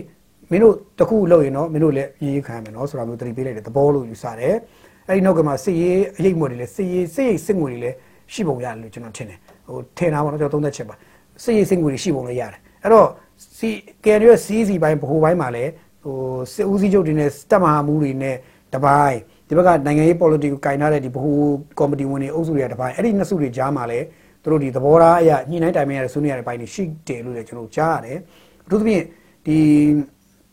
တချို့ KNU ရဲ့ထိပ်ပိုင်းကောင်းဆောင်တွေစစ်ပတိုက်ချင်တော့ဘူးဘာလို့ဆိုစစ်တိုက်ချင်းရဲ့စိုးကျိုးကိုသူတို့သိတယ်စစ်တိုက်လိုက်တဲ့အတွက်ကရင်ပြည်နယ်ထဲမှာစိုးဝါသွားတဲ့ပြဿနာရှိတာရှိခဲ့တာကိုသူတို့သိတယ်ကရင်လူငယ်မျိုးဆက်တွေရဲ့အဲတချို့သောဒီဒီအနာဂတ်တွေပျောက်ဆုံးသွားခဲ့တဲ့ခေတ်ကာလကိုသူတို့သိတယ်အဲစစ်မတိုက်တော့တဲ့ကာလတစ်ခုမှာကရင်ပြည်နယ်ကဘယ်လောက်ထိဖွံ့ဖြိုးလာလဲဆိုတော့သူတို့သိတယ်အဲ့တော့သိတဲ့အတွက်ဒီ KNU ရဲ့အတွေ့အကြုံရှိတဲ့ဝါရင် KNU ဝါရင်ထိပိုင်းကောင်းဆောင်ချူကတော့ထိပိုင်းကောင်းဆောင်ချူကတော့ဒီစစ်မတိုက်တဲ့နီလန်ကိုရွေးချင်တာကိုတွေ့ပုံရွေးချင်ပုံရတယ်ဒါပေမဲ့ KNU ထဲမှာပဲတခါဒီလူလူအင်အားကိုယူခြင်းနဲ့သို့မဟုတ် NUG နဲ့တွားပြီးချိတ်ဆက်ပေါင်းနေတဲ့အဖွဲ့ကလည်းနည်းနည်းလေးသဘောထားတင်မှမှုကင်ထားတာရှိတယ်ဒါကတက်မှမှုတွေတက်မှမှုတွေစေဦးစီးချုပ်တို့ကလည်းအခြေအနေကိုကြည့်နေဗဟိုရဲ့အခြေအနေကိုရှိုးပြီးတော့မှတို့ကလည်းမြေမှာလိုသလိုပပနဲ့နဲ့လှည့်ပတ်ပြီးကစားနေတော့တွေ့တယ်နောက်တစ်ခုကတစ်ချိန်တည်းမှာပဲဒီတို့တွေနဲ့ UG နဲ့ သဘောထားတချို့ဟာတွေတိုင်ပင်ပြီးတော့ညီတာလည်းရှိတယ်မညီတာလည်းရှိတယ်အဲ့တော့တိုင်ပင်ပြီးလုံးတင်တာတွေလုံးမယ်ဆိုစဉ်းစားတာရှိတယ်အဲ့တော့ KNU ထဲမှာကိုကလေးကသူ့ဟာသူဒီအခင်းချင်းနဲ့ပတ်သက်ပြီးသူ့ဟာသူလုံးတင်တာနဲ့မလုံးတင်တာချိန်ဆပြီးတော့အချင်းချင်းကြားထဲမှာဟဲ့ဒါတော့မလုံးတင်ဘူးထင်တယ်ဆိုတော့လူတိုင်းကရှိမှ KNU ကထိပ်ပိုင်းကောင်းတော့10ယောက်ရှိ10ယောက်လုံးကချကွာဆိုတဲ့စာမျိုးဟုတ်ဘူးမဟုတ်ဘူးအယောက်20ရှိယောက်ဆိုချကွာလို့ပြောတာမဖြစ်နိုင်ဘူးမဖို့ဘူးပေါ့ဗျာအဲ့ထက်10ယောက်10ယောက်ရှိတဲ့ထဲကနေ10ယောက်ရှိတဲ့ထဲကနေ၄ယောက်၅ယောက်လောက်ကတော့ဟဲ့မလုံးတင်ဘူးထင်တယ်နော်လို့ပြောကြပြီမယ်ကျန်တဲ့6ကလည်းသဘောထားတင်းမာမှုရှိတဲ့အတွက်နည်းနည်းတော့ အဲ့ဒါဆိုတော့ကြည့်ကြပြီးတော့ကစားကြပါကွာကြည့်ကြလောက်ကြပါဆိုတော့မျိုးပေါ့မင်းတို့နိုင်နေထင်လောက်ကြပါကွာဆိုတော့မျိုးတဲ့သဘောနဲ့ KNU ကလှုပ်ရှားရိပ်နေရတဲ့သဘောလို့သိရသိရတယ်အဲ့တော့အခုဗိုလ်ချုပ်ကြီးမင်းအောင်လှိုင်ရဲ့ဒီဒီဖိတ်ခေါ်ချက်နဲ့ပတ်သက်ရင်လေ KNU ထိပ်ပိုင်းကောင်းဆောင်တွေထဲမှာရောတိုင်းရင်းသားလက်နက်ကိုင်အသီးသီးရဲ့ထိပ်ပိုင်းကောင်းဆောင်တွေထဲမှာရောသူတို့အခုဆိုရင်ဆွေးနွေးမှုတွေစနေကြပြီဆိုသတင်းကြားတယ်စပြီးအထက်မှာဆွေးနွေးနေကြပြီဘယ်လိုဆွေးနွေးလဲဆိုရင်ဆွေးနွေးလဲဆိုရင်ဖြစ်နိုင်ခြေရှိတာတွေကျွန်တော်တွက်ပြပါမယ်ဘယ်လိုဆွေးနွေးလဲဆိုရင်သူတို့ဒီတက်သင့်မတက်သင့်တက်ရင်ဘာဖြစ်မှာလဲမတက်ရင်ဘာဖြစ်မှာလဲ မတက်ခဲ့ရင်ငါတို့အဆိုးဆုံးကဘာဖြစ်လာမှာလဲတက်ခဲ့ရင်ရောငါတို့ဘာတွေအမြင့်ဆုံးရမှာလဲဆိုတော့တို့စဉ်းစားနေဖို့ရပါတယ်အဲ့တော့တချို့ကတော့အတန်တွေပြစ်ပါတယ်ဘယ်လိုအတန်တွေပြစ်လဲဆိုတော့ကြေးခေါ်တာပေါ့နော်ကြေးခေါ်တဲ့စကားတွေအတန်ပြစ်ကြတယ်ကြေးခေါ်တာပေါ့ဗျာကျွန်တော်ပါရမီလမ်းသွားရင်တော့ပါရမီပါရမီလမ်းမှာအခုကျွန်တော်ရန်ကုန်ပါရမီလမ်းမှာသွားကြည့်လိုက်လို့ရှိရင်ဟိုပါရမီလမ်းသွားကြည့်လိုက်လို့ရှိရင်တချို့တွေရောက်ခွင့်တွေသိလိမ့်မယ်ပါရမီဖြတ်ဖြတ်ဖြတ်နေတယ်လို့သိလိမ့်မယ်နော်နေကိမဲ့ဆိုလို့ရှိရင်နေကိမဲ့ဆိုလို့ရှိရင်ခေါင်းမပါတဲ့အမျိုးသမီးတွေရှိတယ်ခေါင်းပါတဲ့အမျိုးသမီးတွေပေါ့ဗျာအဲ့လိုပဲမှတ်ပါခေါင်းပါတဲ့အမျိုးသမီးတွေ အဲဟိုနေရာဒီနေဟိုနေရာဒီနေဟိုနေရာအတက်စီရှိတယ်ရှိတော့ကောင်းပါတဲ့မျိုးသမီးတွေကြေးခေါ်တယ်မနေ့အဲပထမပိုင်းအစောပိုင်းအချိန်မှာကြေးရတစေးအဲနောက်နေ့လည်လောက်ကျဈေးရတစေးညကျရင်ဈေးရတစေးအဲလုံးဝဟဟိုဖြစ်သွားလို့ရှိရင်ဈေးကနောက်ဆုံးတော့အောက်ဆုံးဈေးဖြစ်သွားတယ်အဲ့တော့ကြေးဆိုတာခေါ်ရတာကြီးပဲဘယ်နေရာမှာဆိုကြေးခေါ်ကြတာကြီးပဲနိုင်ငံရေးမှာလည်းကြေးခေါ်ကြတယ်ဈေးခေါ်ကြတယ်ဈေးခေါ်ပြီးကစားကြတာရှိတယ်အဲ့တော့ဒီတချို့ကတော့လေတံနေပြစ်တာပေါ့ဟို तू က original original or or အစ်လောအစ် မိနစ်တနေ့မှအစလောက်တာအဲဒါမျိုးတွေလည်းခေါ်ရင်ခေါ်ပါပေါ့ဗျာကြေးကတော့မျိုးစုခေါ်ကြလိမ့်မယ်ဆိုတော့မျိုးစုံကြေးခေါ်ပြီးတဲ့နောက်မှာတော့အာဗျာရင်လည်းအမြတ်ပေါ့ဗျာမရတော့လဲခုနအရင်ပေါ့ဆိုတဲ့ဟာနဲ့ तू ကသွားရတဲ့ခင်းကျင်နေနိုင်ငံရေးမှာခင်းကြတာရှိတယ်အဲ့တော့ဒီဘိုးချုပ်ကြီးမရလို့ဘက်ကလည်းဒါဈေးခေါ်တာပဲကိုယ့်ဘက်ကလည်းဈေးခေါ်ပြီးတော့လေတံနေစပြစ်နေပါပြီအပြန်လန်ပြစ်ကြတယ်လို့ကျွန်တော်တို့မြင်တယ်လေတံပြစ်ကြတယ်အဲ့တော့ဒီဂျားထဲမှာသူတို့ဆွေးနွေးမှုတွေလုပ်နေကြပြီအဲ့တော့ငါတို့သွားတက်ဆွေးနွေးရင်ဘာရမှာလဲမဆွေးနွေးရင်ဘာရမှာလဲဆိုတော့သူစဉ်းစားဖို့ရတယ်အဲ့တော့မဆွေးနွေးရင်တော့ ခုနပြောသလိုထူးကြတာဘိုးကြီးမရောက်လိုက်မိန်ကုန်းမှာလည်းအပိတ်မပါဘူးအဖွင့်မပါတယ်သူကဖွင့်မဲ့ဖွင့်တယ်တော့အပိတ်မပါဘူးအပိတ်မပါဘူးဆိုတာကဟိုတခါတည်းမှာဘာလဲဆိုတော့မှဒါဒါဒါဒါလို့ပြောမယ်ဒါမဟုတ်ခဲ့ရင်ဘာလို့မှလဲဆိုတော့ဟာမပါလာဘူးမပါလာတော့ဟိုကျွန်တော်တို့ရုရှားနဲ့ယူကရိန်းနဲ့ရုရှားနဲ့ဟိုဖြစ်နေတဲ့ဟိုလိုမျိုးပေါ့ဗျာယူကရိန်းကိုရုရှားမတိုက်ခင်လေးကမတိုက်ခင်လေးမှာအမေရိကန်ကဘာပြောလဲဆိုတော့ဟိုကာတွန်းလေးတစ်ခုထွက်လာတယ်အင်္ဂလိပ်ကာတွန်းလေးတစ်ခုကျွန်တော်ကြည့်ဘူးလားမသိဘူးဘယ်လိုကာတွန်းလဲဆိုတော့ပူတင်ဖြတ်သွားတော့ဘိုင်ဒန်ကြည့်ပြီဟဲ့အောင် ယူကရိန်းနယ်မြေတွေကိုပေါ့ဗျာယူကရိန်းနယ်ပူတင်ဖြတ်မဲ့ဆဲဆဲမှာမဖြတ်ခင်လေးမှာသူကမင်းဖျက်ရင်ဖြတ်ကြည့်တယ်အဲဘိုင်ဒန်ဘိုင်ဒန်ဘက်ကပူတင်ကိုပြောတာပူတင်ကယူကရိန်းနယ်ထဲဖြတ်သွားဖြတ်လိုက်ဖြတ်သွားအေးမင်းပြန်ထွက်ရင်ထွက်ကြည့်တယ်အဲ့လိုဖြစ်နေတယ်ဆိုတာဟိုဘာမှမပါဘူးပြောချင်တာမင်းလုံရင်လုံကြည့်ဆိုရပြောတယ်ပြီးရင်မင်းဖြတ်ရင်ဖြတ်ကြည့်ပြီးရင်မင်းပြန်ထွက်ရင်ထွက်ကြည့်တခုမှလည်းဘာမှမလုပ်လေပဲပြစ်သွားတာအဲ့လိုမျိုးပေါ့ဘာမှလည်းနောက်ဆုံးကျတော့ယူကရိန်းကမြင်တဲ့အတိုင်းပဲဆိုတော့အဲ့လိုမျိုးပေါ့ခုန ဒါလို့ရင်ဘာလို့မှလဲဒါဖြစ်ရင်ဘာလို့မှလဲဆိုတာကိုဘာမှမပါလာဘူးမပါလာတော့အဖွအဖွင့်ပဲရှိတယ်အပိတ်မရှိဘူးဘယ်လိုမျိုးလဲစကားအပိတ်မရှိတော့ကောင်းပြီမလာရင်ဘာဖြစ်မှလဲဆိုတော့မေကွန်းအတွက်ကအပြေမရှိဘူးကျွန်တော်တို့ဖြေရတော်တော်ခက်နေတယ်မလာရင်ချတော့မလားဆိုတဲ့ဟိုဟိုအမျိုးပေါ့စဉ်းစားချက်တွေလည်းရှိနေတယ်တိုးတော်လည်းဒီမလာရင်ချတော့မလားဆိုတဲ့ကိစ္စကလည်းချဟေးဆိုရင်တော့ကဲဟိုချဟေးဆိုရင်တော့ကျွန်တော်တို့နိုင်ငံသားတွေကြီးတွေဆိုတော့ကျွန်တော်တို့ကတော့ချရတဲ့အဆင့်ထိတော့ဘယ်အားပေးခြင်းမလဲအားမပေးပါဘူးအားမပေးပါဘူးနောက်တစ်ခါ စကားဝိုင်းပေါ်တက်ပြီးတော့ဆွေးနွေးကြတဲ့အဆင့်ကိုသွားကျင်တာကောင်းတယ်လို့ထင်တယ်အဲတချို့ကတော့2008ဖွဲ့စည်းပုံအခြေခံဥပဒေအောက်မှာမဆွေးနွေးနိုင်ဘူးဆိုတဲ့စကားကိုဒီ KNPP လို့ဟာမျိုးကစကားနဲ့ပြစ်တာတွေ့ရတယ်ဆိုတော့2008ဖွဲ့စည်းပုံအခြေခံဥပဒေအောက်မှာမဆွေးနွေးနိုင်ဘူးဆိုရင်2008ဖွဲ့စည်းပုံအခြေခံဥပဒေမရှိတဲ့ဥပဒေမဲ့တဲ့ဘောင်နဲ့ဆွေးနွေးမှာလားဥပဒေမရှိတဲ့ပုံစံနဲ့ဆွေးနွေးမလို့လားဥပဒေမရှိတဲ့ပုံစံနဲ့ဆွေးနွေးရင်တော့အကုန်လုံးဥပဒေမဲ့လူတွေဖြစ်ကုန်မှာပေါ့တနိုင်ငံလုံးမှာရှိတဲ့လက်နက်ကိုင်ဖွဲ့စည်းတွေရောအကုန်လုံးကဥပဒေမဲ့နေတဲ့ဥပဒေမဲ့လုတ်ချင်ရလုတ်တဲ့ထင်ရဆိုင်တဲ့ဖွဲ့စည်းတွေဖြစ်မကုန်ဘူးလားပေါ့ဘာလို့ဆိုတော့2008ဖွဲ့စည်းပုံအခြေဥပဒေဒီမာ သာလောဖြစ်ဒီနိုင်ငံမှာသက်ရှိချင်းဒီသက်ရှိနေသေးတယ်ဆိုလို့ပြောလို့ရတယ်အဲဒါတချို့ကတော့ဖြတ်ပြီးလို့ပြောရင်မဲ့ဖြတ်တဲ့လူတွေကအဲ့ဒါဥပဒေမဲ့ဖြစ်သွားဘာလို့ဆိုဥပဒေကိုဖြတ်ပြီးဆိုရင်ဥပဒေမဲ့လုတ်ချင်လို့ဖြတ်တယ်လို့ခေါ်တယ်ဥပဒေကိုဖြတ်တယ်ဆိုရင်ဥပဒေမဲ့လုတ်ချင်လို့လုတ်ချင်လို့ဖြတ်တာလို့ခေါ်တယ်ဥပဒေရှိပါလျက်နဲ့တောင်ဥပဒေမဲ့လုတ်ချင်ရင်ဥပဒေသာဖြတ်ချက်လိုက်ဥပဒေဆိုမရှိတော့တဲ့ပုံစံဖြစ်သွားပါလိမ့်မယ်ဥပဒေမရှိဘဲနဲ့လုပ်ရင်တော့ဒါဥပဒေမဲ့ကိုဝါသနာပါတဲ့ဥပဒေမဲ့ ကျန်းနာရန်နာဝါသနာပါတဲ့လူတွေအကျင့်ဗီဇလို့ခေါ်ရတယ်အဲ့တော့ဥပဒေဒီနောက်ရှိဖွဲ့စည်းပုံချဥပဒေဒီကြိုက်တယ်ဖြစ်စေမကြိုက်တယ်ဖြစ်စေအဲ့ဒီဥပဒေအောက်ကနေမှဖြာထွက်ဖြာထွက်ပြီးတော့ခေါ်ထွက်ပြီးတော့တေချာဆွေးနွေးရမှာတေချာတယ်ဥပဒေထဲမှာပြင်ရမယ့်ဟာတွေဘာညာရှိရဆိုတော့မှန်တယ်ဖွဲ့စည်းပုံချဥပဒေဒီတရေမကောင်းဘူးလို့ဘာဘူးညာဘူးလို့ပြောရင်မှန်တယ်အဲဖွဲ့စည်းပုံချပြင်ဖို့တင်တယ်ဆိုတာလည်းမှန်တယ်ပြင်ကိုပြင်ရမယ်ဆိုတာလည်းမှန်တယ်အဲ့ဒါကိုလည်းအားလုံးလက်ခံထားတာဖြစ်တဲ့အတွက်ဖွဲ့စည်းပုံချဥပဒေကတော့ပြင်ရမယ်သို့တော့ဆွေးနွေးတဲ့အခါမှာဟိုသူဆွေးနွေးရမယ့်တည်ဆဲဥပဒေတစ်ခုတော့ရှိဖို့လိုအပ်တယ်မဟုတ်ရင်ဥပဒေမဲ့တွေနဲ့ ထချကုန်မှာဆိုပါတယ်ဒါလည်းရှိပါအဲ့တော့ဘာပြောစကားတန်တော့အတန်ပြုတ်ဆုံးထွက်နေတာတွေ့ရတယ်အခုဒီ KNU တို့ပါလို့ဆိုရင်ဒါအမာဆုံး society ဖြစ်နေရှိနေတာတွေ့ရတယ်လက်ရှိချိန်မှာတို့အမာဆုံးနောက်တစ်ခုကတစ်ဖက်မှာ KIA လည်းအမာဆုံးဖြစ်နေရှိနေတာတွေ့ရတယ်ဆိုတော့ကျွန်တော်ကြားရတဲ့ information တခုအရဆိုရင်ပေါ့နော်ဒါကအတည်ပြုလို့မရပါဘူး information ရဆိုရင်တော့ဟိုတက်ကတော့သူကပြင်ထားတဲ့ပုံစံကတော့ရှင်းရှင်းလေးပဲဒီဆွေးနွေးဝဲဝိုင်းဝိုင်းနဲ့ကို လူတိုင်းလာမှာမဟုတ်ဘူးဆိုတော့သူတို့သိပြီးသားနားလည်ပြီးသားတွက်ဆပြီးသားဖွဲ့စည်းလာမယ်ဆိုတော့မလာဘူးဆိုတော့သူတို့တွက်ဆထားပြီးသားအဲ့တော့လာတဲ့အဖွဲ့တွေနဲ့သူတို့ငင်းချမ်းရေးကိုကောင်းအောင်ဆွေးနွေးသားပြီးအဲ့ဒီအဖွဲ့တွေနဲ့သူတို့ကခုနဒီအာနာခွဲဝေခွင့်တွေကိစ္စတွေကိုသူတို့အပြန်အလှန်သေချာဆွေးနွေးပြီးတော့မှတိုင်းပြည်ကိုဘယ်လိုဆက်တည်ဆောက်ကြမလဲဆိုတော့သေချာညှိနှိုင်းတိုင်းပင်ချမ်းတဲ့သဘောရှိတယ်လို့သိရတယ်နောက်တစ်ခုကအာဒီလိုခေါ်လိုက်ပြီဆိုတော့သူတို့မှာဘယ်အထိပေးမယ်ဘယ်အထိတော့ငါတို့ပေးမယ်ဘယ်အထိ short ပေးမယ်ဘယ်အထိတော့ခြံထားမယ်ဘာလို့ခြံထားမယ်ဆိုလိုတာပြောရင်တော့မထိရမကန်ရ ဟိုမဖြတ်ရတဲ့စီးဆိုထမရေဘူးစီးဆိုတာရှိတာ။ထမရေဘူးစီးကိုတော့မဖြတ်နဲ့ဆိုတာကိုရှိတယ်။ထမရေဘူးစီးကိုဖြတ်ရင်ဘာဖြစ်လဲဆိုတော့ပြဿနာတက်တတ်တယ်။ဒါမြန်မာစကားပုံမှာရှိတယ်။ထမရေထမရေဘူးစီးကိုမဖြတ်သင့်ဘူးတဲ့။ဖြတ်ရင်ပြဿနာရှိတယ်ဆိုတာမျိုးပေါ့။အဲ့တော့ဟိုသူတို့ထမရေဘူးစီးတော့ဖြတ်ခံမဲ့ပုံမပေါ်ဘူး။ဒါပေမဲ့သူတို့ပေးရမယ့်ဟာကိုတော့သူတို့ပေးလိမ့်မယ်လို့နားလည်ထားတယ်။ဒါဒါကတော့သိကြတယ်။အဲ့တော့ဟိုလာတဲ့ဖွဲ့တွေကတော့သူကပေးတင်တာကိုရရနိုင်တဲ့အခွင့်အရေးတွေသူရသွားမယ်။လာတဲ့တိုင်းသားဒေသတွေကခုနဒီ